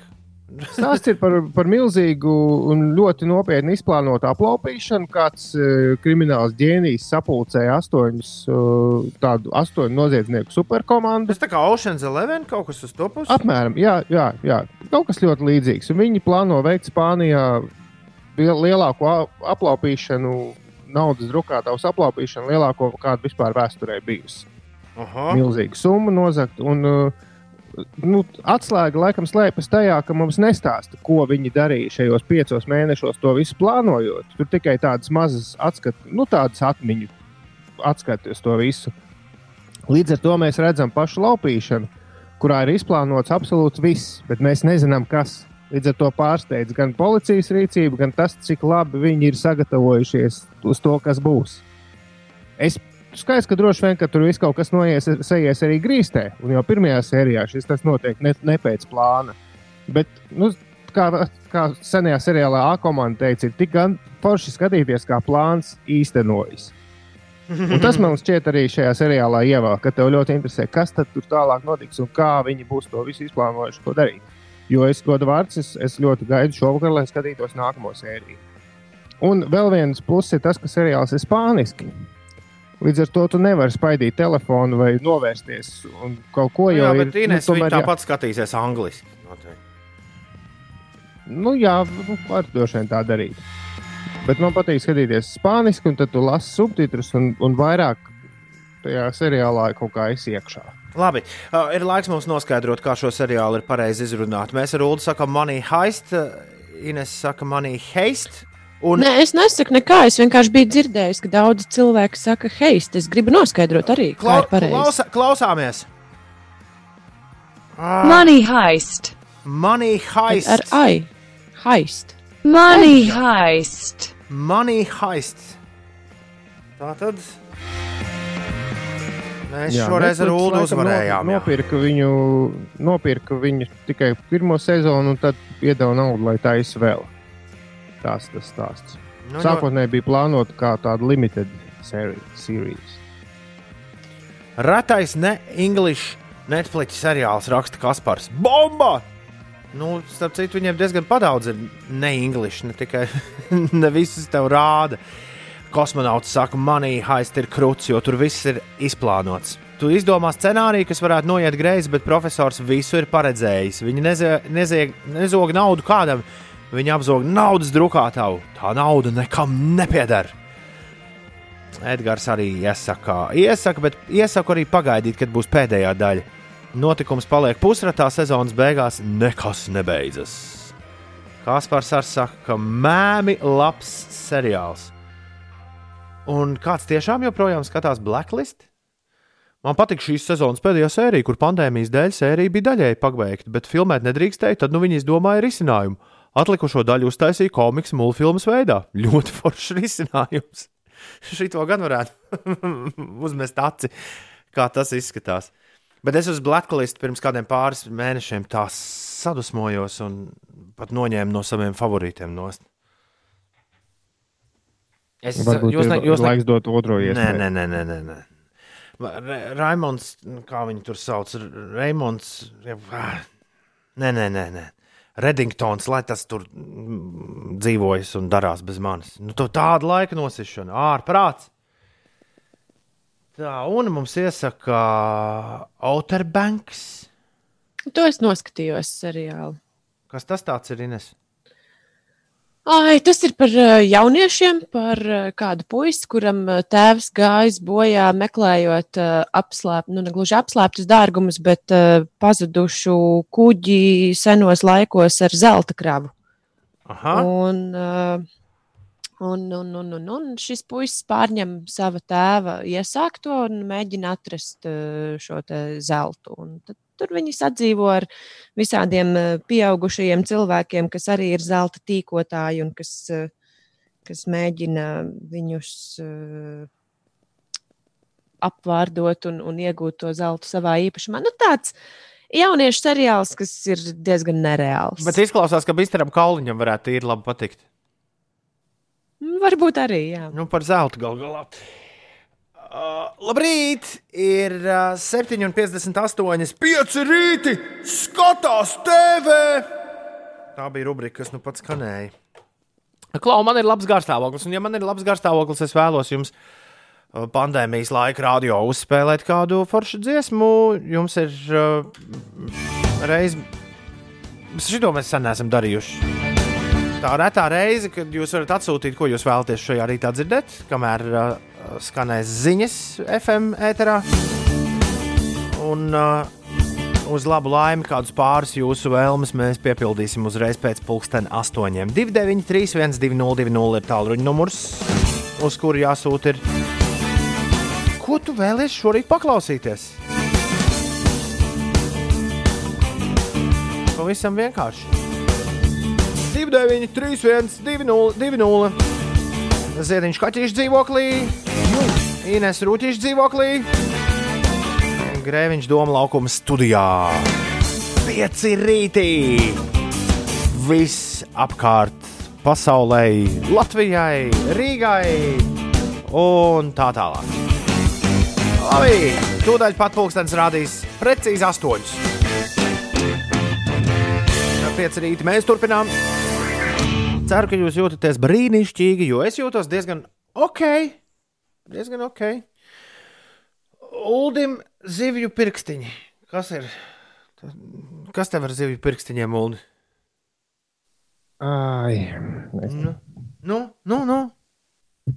par ko pūt? Apē, Nē, es neizdzēsu ārā to, par ko jārunā sešos. Tad...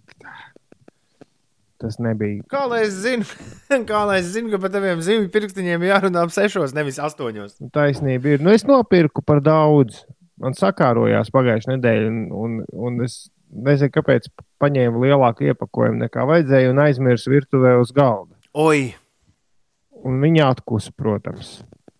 Un tur viss, nu, viss nu, nav noslēpums, ka visi šie saldētie produkti, ne, nu, tos nedrīkst otrais sasaldēt. Jā, un Līdz ar to viss, kas atlika, bija ieliktos parastajā leduskapī, nevis saldētavā. Tas nozīmē, ka tie ir nu, derīguma termiņš automātiski nu, samazinās krietni. tad tu sēdies zivju pirkstiņus. Nu, Es vakar apēdu pusi.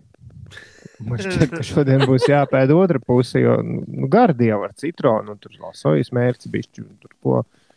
Jā, jā Bet- tā kā smalkā Japāņu restorānā. Bet vai zivju pirkstiņa diēta ir laba diēta? To, lai Par mums, to es- to, lai mums Tu atraksta varēji būt labs kaimiņš. Tu varēji pieklāvēt pie kaimiņu darbiem un cienistiņu aiznest.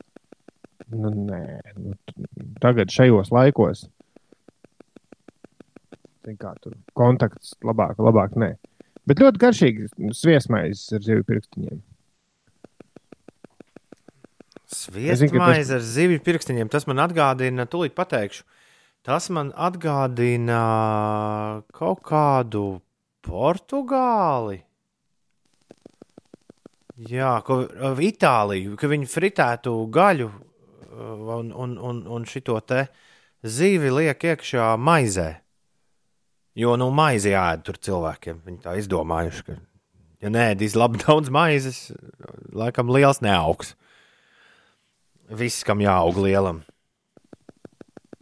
Vai kaut kā tā. Ļoti labi, ļoti labi.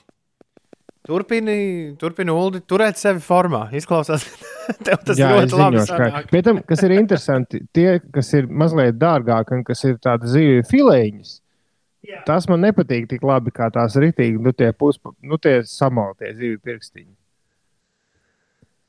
Tikai vajag labi sacept, nedrīkst par sausu būt un nedrīkst būt ne, ne, nu, tādi. Vajag kā kraukšķīti mazliet.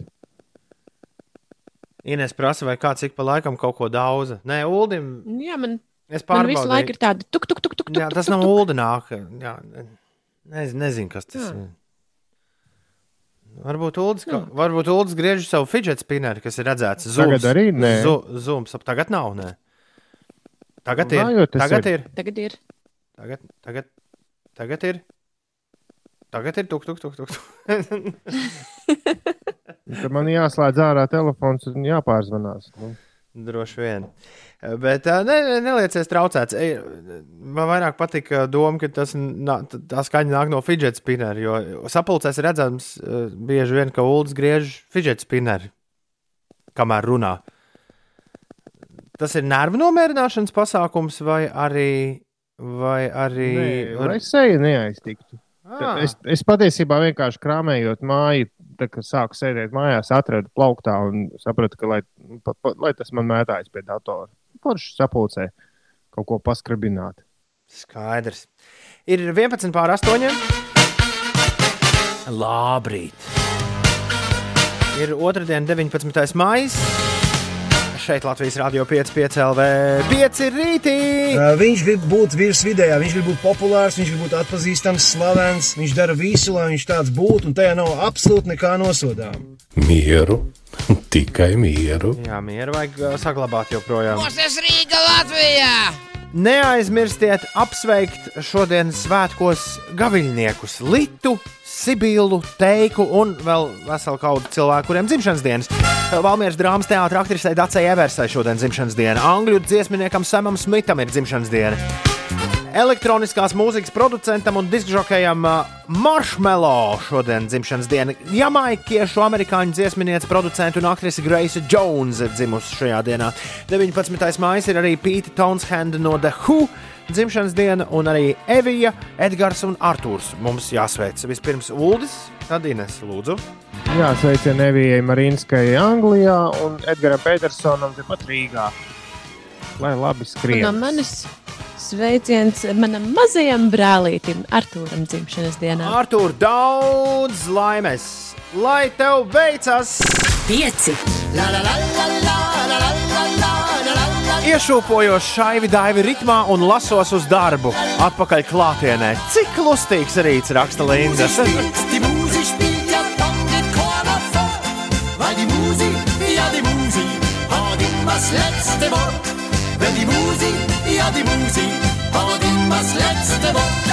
Dīmaja Hofner un šaivi daivi du. Nododiet bučus Krisītam no Gusvalda un lai beidzot saņemas aiziet pie zobārsta. Krisīt, kas tas tāds? Nevar saņemties pie zobārsta aiziet. Tiešām. Daži zobārsti jau paši nepieņem nemaz. Labrīt. Es, piemēram, biju pierakstījusies maija sākumā, nē, no sākuma, man liekas, aprīļa beigās biju pierakstījusies pie zobārsta. Tad pārcēla manu vizīti uz maija sākumu. Tad man atzvanīja, pārcēla vizīti uz maija beigām. Ho, ho, ho, hu, hu, hu. Gribu vēlēt lielu sveicienu Arthūram dzimšanas dienā no Statnes uh, LV Montiera brigādes. Čau, Arthūr! Daudz laimes dzimšanas dienā! I, mēs laikam salabojām ulu, tuk, tuk, tuk.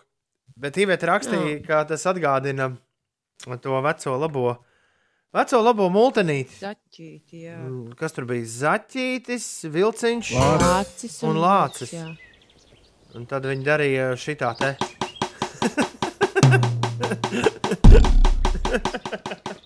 Duk, duk, duk, duk. Kāpēc ne šis? Kāpēc šis kolektīvs nekad nav bijis gaisā vai aizā? Starp citu, mēs esam tieši trīs. Es, Ines un Ulas. Mēs varētu kādreiz uh, šad un tad internetā kļūst populāri tie video, kad cilvēki šo multinīti atdarina. Mēs varētu kādreiz trijotā uztaisīt šādu. Ines, tu būsi vilciņš. Es tā nojautu. Uldis būs. Uldis būs lācis un es būšu zaķītis. es būšu tas, kurš taisa tuk, tuk, tuk, tuk, tuk. Uldis ar, Uldis ar basu. Prātnieks Bum. raksta, man patīk, ka tas vilks visu sačakarē. to es tiešām varētu izdarīt.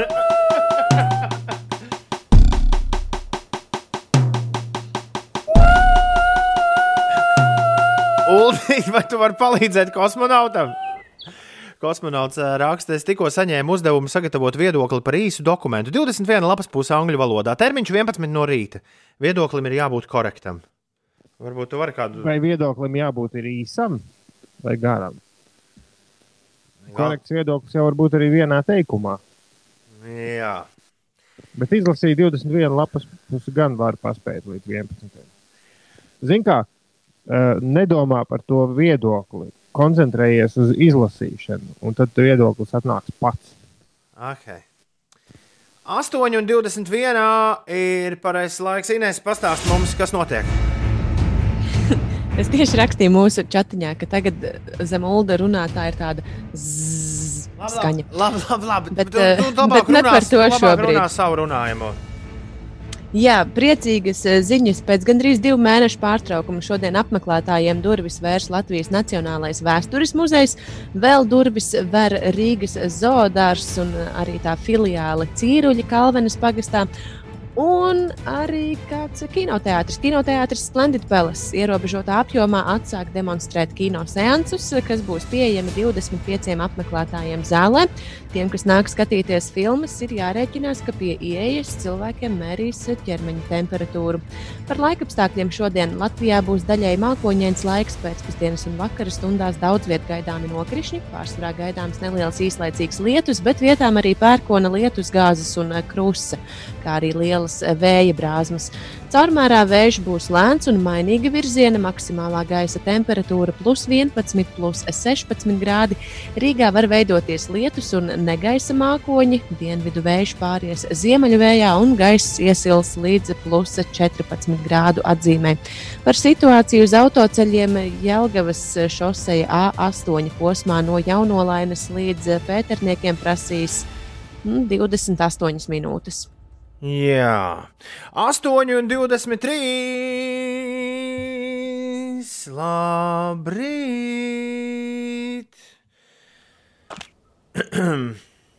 Šeit Latvijas Rādio 5,5 LV. Pateicoties Laumai, nu pat jūs dzirdējāt instrumentālu vokālo ansambli Bermudu divu stūris un skaņdarbu balējiem neguļam. Ir 8,26 minūtes.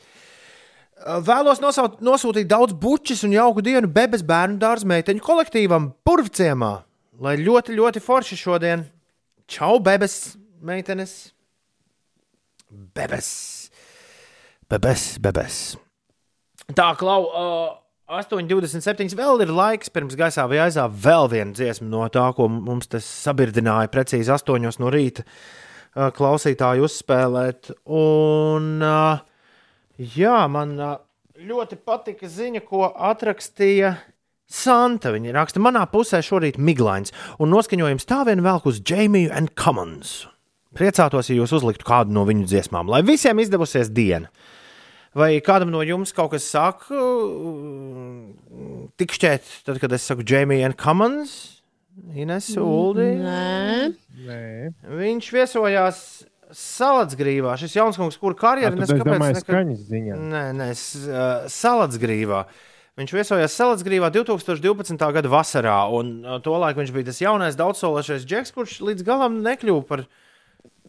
Visiem, kaut kas tur sagāja grīstē, nekļuva par, par to džeku, par ko viņam prognozēja, nu, ka varētu kļūt. Bet koncerts Salatsgrīvā bija rīktīgi fans, un tieši no šī koncerta tad, uh, lai arī šajā rītā skan Only in the Night, Jamie and Commons ierakstīts dzīvajā, pozitīvas festivālā pirms astoņiem gadiem. Re, kur vasaras garša un sajūta jums uz dažām minūtēm. Only in the night. Only in the night. Only in the night. Only in the night. Ārprāts, tas bija pirms astoņiem gadiem. Raksta Santa, bet jā, tur es arī dzirdēju viņu pirmo reizi. Koncerts tiešām bija perfekts tam settingam. Es pirms Silvijas Santa redzēju Džemiju un Kamansu Eurosonic mūzikas konferencē ā, tieši tā gada janvārī. Mazā kafejnīcā, mazā kafijas, kaf, pilnīgi piebāztā kafijas kafejnīcā. Tas arī bija brīnišķīgi. Un dažreiz, redziet, nemaz tiem mūziķiem nav jākļūst vai ne tur par uh, Grammy balvu ieguvējiem. Vienalga, viņi mums sagādā labas atmiņas daudzu gadu garumā arī vienkārši esot ar mums uz mazu mirkli. Paldies, mūziķi, jums, ka jūs darāt to, ko jūs darāt. Jo bez jums eh, šī pasaule un šī pandēmija būtu tik sasodīta, garlaicīga, ārprāts. Iedomājieties, ja nebūtu mūzika. Tikai viens dzējas, vien mēs te mētātu viens otru virzienā. Ē, Inesē, Uldī, halo! Jā. Jūs vēl nomodā? Jā, mēs jā. ļaujam plūst domas plūdumam netraucēti. Laiks skanēt interesantai mūzikai. Gaisā vai aizā? Interesantās mūzikas aptauja. Jā, interesantās mūzikas aptauja gaisā vai aizā. Finiša spurts ir sācies. Tas ļoti veiksmīgi sākās vakar, bet joprojām gaisā ir uh, Džeks, kurš spurtā ieleca nu, no normālās cīņas. Un šodien viņš centīsies pievienoties koronavīrusam un mazajiem viltīgajiem zaķiem, lai uzkāptu, jā, lai nokāptu no bronzas piedestāla pakāpiena un uzkāptu uz sudraba piedestāla. Trīs rītus gaisā mests, šorīt ceturto uzvaru tīko viesturs.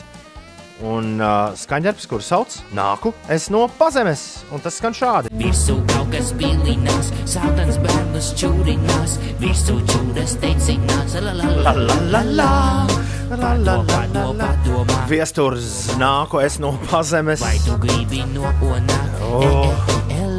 Pēkšņi apmācās tik līdz šo Ellis gabalu. es uzliku. Gribi, tad aizēju un visus savus grēkus. Ej, punkts uz slīpsvītra gaisā 20. Tā ir adrese, kurā jūs varat iepazīties ar visām dziesmām, kas ir šajā sezonā bijušas iekšā gaisā vai aizā. Interesantās mūzikas aptaujas. Un tagad laiks kādai no tām dziesmām atgriezties. Vienīgi dziesma, kura vakar uh, izgāzās. Mm, Dziesma par blondīnu virtuvē nevar atgriezties. Visām pārējām ir iespēja atgriezties. Un šajā sezonā mēs esam klausījušies brīnišķīgus gabalus. Arī par šīs viestura gabals nav pirmais par čurāšanu gal galā. Bet, bet arī par to dziedāja. Mums bija Minkas no Džūka Čūskas. Mums bija Bilija Ailiša ar Vitas kopā. Ines, gru, grupa maciņi. Zrībināja grebiņš mūsu sapulīt, klādat panceles, Protams, zunanā. Zunanā, zunanā, kumlā vimā gumbana. Uzzīmē, Svešie, vai te nebūs atpakaļ kādā rītā ar uzzīmēm man savu pasauli? Nu, gabali ir bijuši daudz jautājums, kam ir jāatgriežas šorīt. Kas var cīnīties ar viesturu za pazemes hitu 29, 31, 20, 20? Es slēdzu tālruņa līniju iekšā tagad.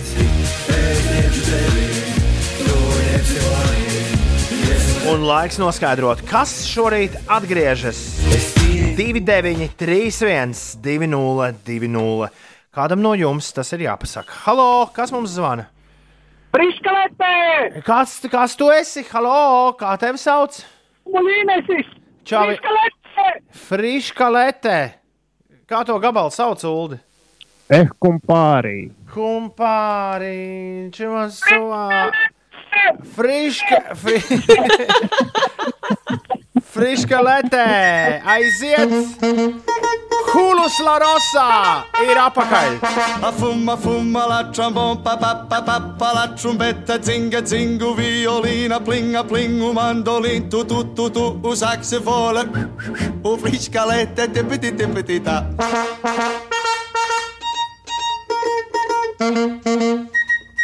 Tipiti, tipiti. Tipiti, tipiti, tā. Tibiri, tibiri, dā. Hulus la rosa, ej, kumpāre. Metam gaisā vai grūžam aizā. Interesantās mūzikas aptauja. Katru rītu apmēram pēc pusdeviņiem. Nāko es no pazemes, pazemes, pazemes, el kumpāre. Turap, turāre. Šādas dziesmas mums šorīt um, sacenšas gaisā vai aizā finiša spurtā. Jau pēc mēneša mēs liksim punktu interesantās mūzikas aptaujai. Un... Un vairs nekas neies gaisā, ne arī kritīs aizā. Bet šorīt 293, 202, atklāts ir jautājums, kam ir jāiet gaisā un kam ir jākrīt iekšā aizā. Labrīt, radio! Halo, kas mums zvana? Frispalete! Varani! Varani! Šitā drīkst vispār. Nu, kāpēc ne? jā, īstenībā jā. Ja tu sazvani, tu sazvani. Un friškā lēti iet gaisā. Daudz interesantāk būtu, ja viņš vēlreiz piezvanītu. Nu, tagad uzreiz arī nu, uz otro balsi. Ehi compare, ci posso suonare chi si suona un friscaletto e come si suona un friscaletto. Vienmēr sakot, friškā lēta ir gaisā. 1-0 ir rezultāts spēlēm līdz divām uzvarām. Labrīt, kas mums zvana? Halo, halo kā tevi sauc? Sensīts. Čau, Sensīt. Nu, Sensīt, kā tev tur, kā tev tur, Nē. kā tev tur jūras krastā iet? Nu, normāli. Tā labi. Jūri pūš, jūri pūši vēji. Jūri skaloja. kuši, vējuši, kuši. Labi. Um, pazemes, mēs nākam no pazemes. Kāpēc? Jā, kāpēc šis gaisā jāmet ko? Tāpēc, ka nu, tas ir tāds mm, diezgan interesants. Mm, Orģināls gabals, vai ne? jā, jā, jā. jā. Metam augšā. Paldies, Sensīt, Daini. Sveicini. Nu, davai, ok. Sveicini visus savējos. Čau. dziļas zemes. Garšo tavas smadzenes, smadzenes, smadzenes. Garšo tavas smadzenes, man garšo smadzenes. Domas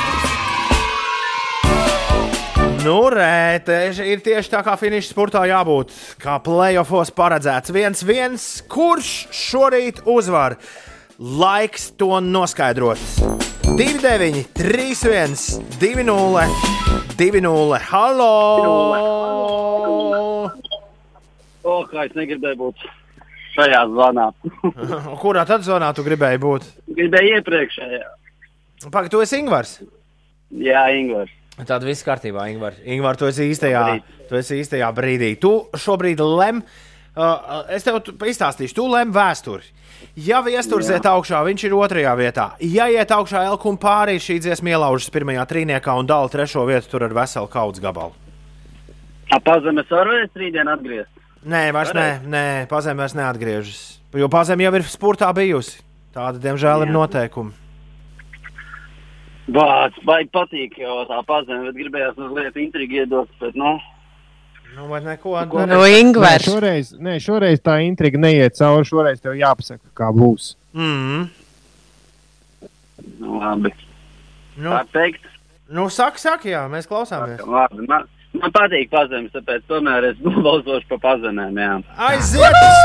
Čau, viestura! Tā, adā! Ingvars. Ingvars tas bija. Jā, Ingvars. Nē, viesturs dzied šito, jā. Garšo tavas smadzenes, smadzenes. smadzenes. Garšo tavas smadzenes, Un viesturs ir otrajā vietā, kur viņš dālā ar koronavīrusu un viltīgajiem mazajiem zaķiem. Un rīt var pievienoties Zunanā! Par uzvaru iedomājieties, ja rītdien Zunanā atgrieztos Ulu. Kas tas būtu pa kautiņu? Jo, Haidī! Bet, eh, Bet Ekun pāri vairāk neatgriezīsies. Ar divām uzvarām Jā. arī ir šī sezona šai dziesmai beigusies. Friškalēt! un friscalette. Cik tas cilvēks bija priecīgs? Un tipiti, tā. bet nu, Ingvars iedeva tādu ļoti tādu sportisku sajūtu. Es tiešām domāju, kas nu būs šoreiz. Un man bija prieks par Ingvaru izvēli. Vetārds Kristaps arī saka, paldies Ingvaram un paiekliedz! Urā! Man liekas, visi pie radioaparātiem sastinga uz brīdi. Nu, ko, vai viesturs tiks līdz uh, šī brīža zeltam? To noskaidrosim jau rīt. Mūzikas aptaujā, kuras sauc ne vairāk, ne mazāk kā gaisā vai aizā. Mums arī būs termometrs studijā, tad, kad atsāksim visi būt šeit. Nu, tā lai regulāri mē, mērītos. Termometrs ir rītu pirmajā stāvā. Es mēru tagad, jā, tas viss normāli, bet, uh, bet nē, es domāju, vai mums būs uh, studijā tā kā Uldis, uh, Ulda producentu pienākumos būs termometrs. Tā, grēviņa, ej mājās, Ines pie pulta. Ines ej mājās, grēviņa lasa, kas notiek. Un kas mērīs ulu temperatūru? Pats no rīta mājās. Nu, jā. Bet man tikai dzīves sudraba termometrs.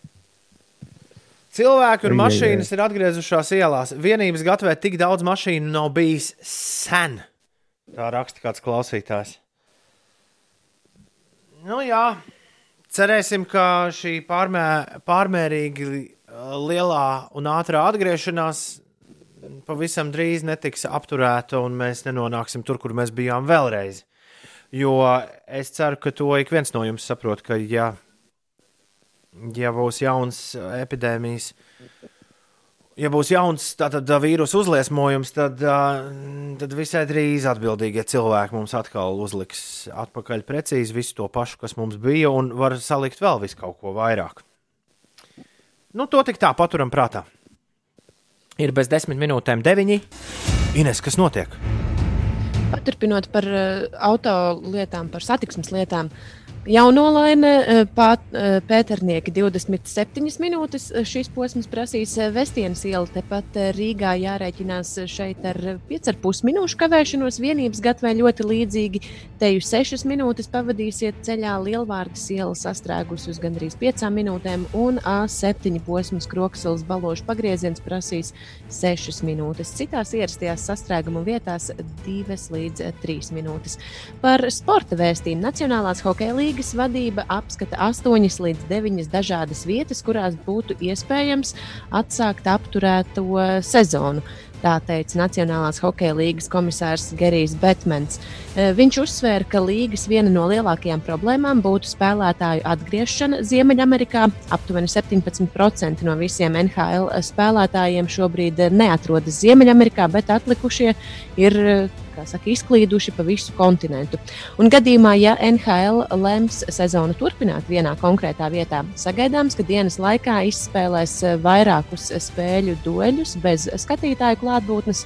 Tāpat NHL būtu nepieciešama viesnīca, kurā ieguldīt komandas papildu nepieciešamas telpas koronavīrusa testu veikšanai. Pēc Lasvegas tas Liela- izklausās. Ja kāds man jautā, tas man izklausās pēc Lasvegas. Viņi varētu visu spēlēt Lasvegasā. Tukšā bez turistu Lasvegasā. Lasvegasā jau vispār nekā nav šobrīd. Nu, ja tur ir uh, arī, nu, tāpēc es saku, tur var mierīgi palikt. Jebkurā, jebkurā lielajā pilsētā. Uh, ko tu saki, Lasvegas ejot uz bankrotu? Nē, es nesaku, tas tā kā pašsaprotami, jo nu, tā tomēr ir vieta, kur, kur ir pilnīgi viss, kas, uz ko šī pilsēta balstījās, ir aizliegts. Jā. Ast... Nu, apturēts. 8 un 52.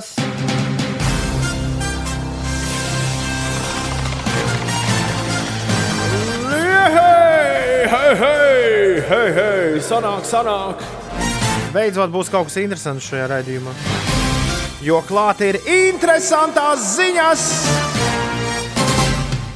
Šorīt pašā rīta agrumā diezgan gari un plaši mēs runājām par ceļošanas nākotni un to, kā tās pilsētas, kuras vēl nesen bija milzīga, kā pilsētas, kurās vēl nesen bija milzīga drūzma, šobrīd ā, šajās, šajās pilsētās valda klusums.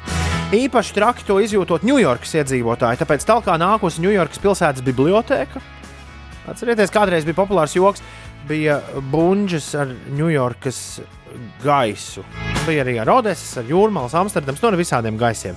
Nu, lūk, un kaut ko līdzīgu tikai audio formātā piedāvā Ņujorkas bibliotekas Spotify konts, kas publicējas albumu Missing Sounds of New York. Un uh, tur var dzirdēt tādus hitus kā uh, stāvēšana, nu, pasaules ulu viņus. Es neesmu tulko, man nav tulkošanas smadzenes ieslēgušās šorīt. Ah, Ulu, jā. Ka un Ulds bija uh, pazudis. sastrēguma stunda, un skaļš pilsētas parks, uh, pļāvas un, un skaļi kaimiņi. Tā, es... Taksometrs uz jebkurieni. Tu, vēl...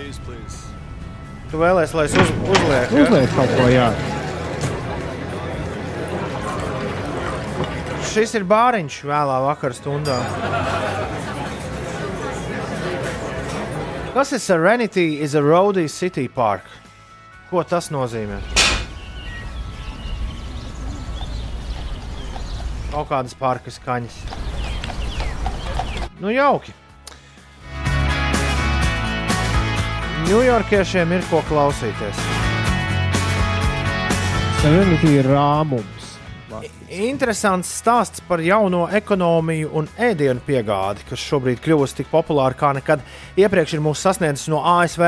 Tur kāds pizzerijas īpašnieks pēkšņi sācis saņemt sūdzības no klientiem par picām, kas piegādātas augstas, vai arī par to, ka piegādāta pavisam cita pizza, ne tā, kas pasūtīta. Un tas viss radīs pamatīgu apmulsumu, jo restorāns nav sadarbojies ne ar vienu no ēdienas pie, ēdienu piegādes uzņēmumiem. Taču īpašniekam par lielu pārsteigumu Google rezultātos pašā augšā rēgojies kāda piegādes uzņēmuma DoorDash, uh, DoorDash piedāvājums, uh, kurā bija redzams viņa, redzams viņa pizzas, lai gan viņš pēc kāda, uh, pirms kāda laika ir atteicis tam pašam Do- DoorDash, nu, kad tās pizzas uh, caur viņiem piegādās. Nu, un stāsti, ar ko tas beidzēs, Ulu.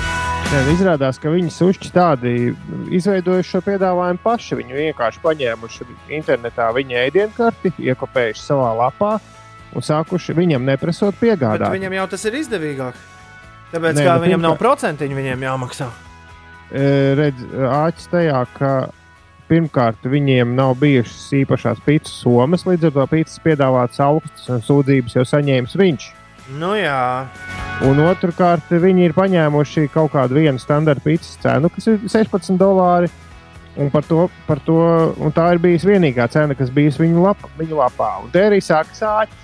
Nu, jo, nu. viņa, jo tās pīcis, ko no, no viņa pircis šis servis, maksājuši 24 dolārus.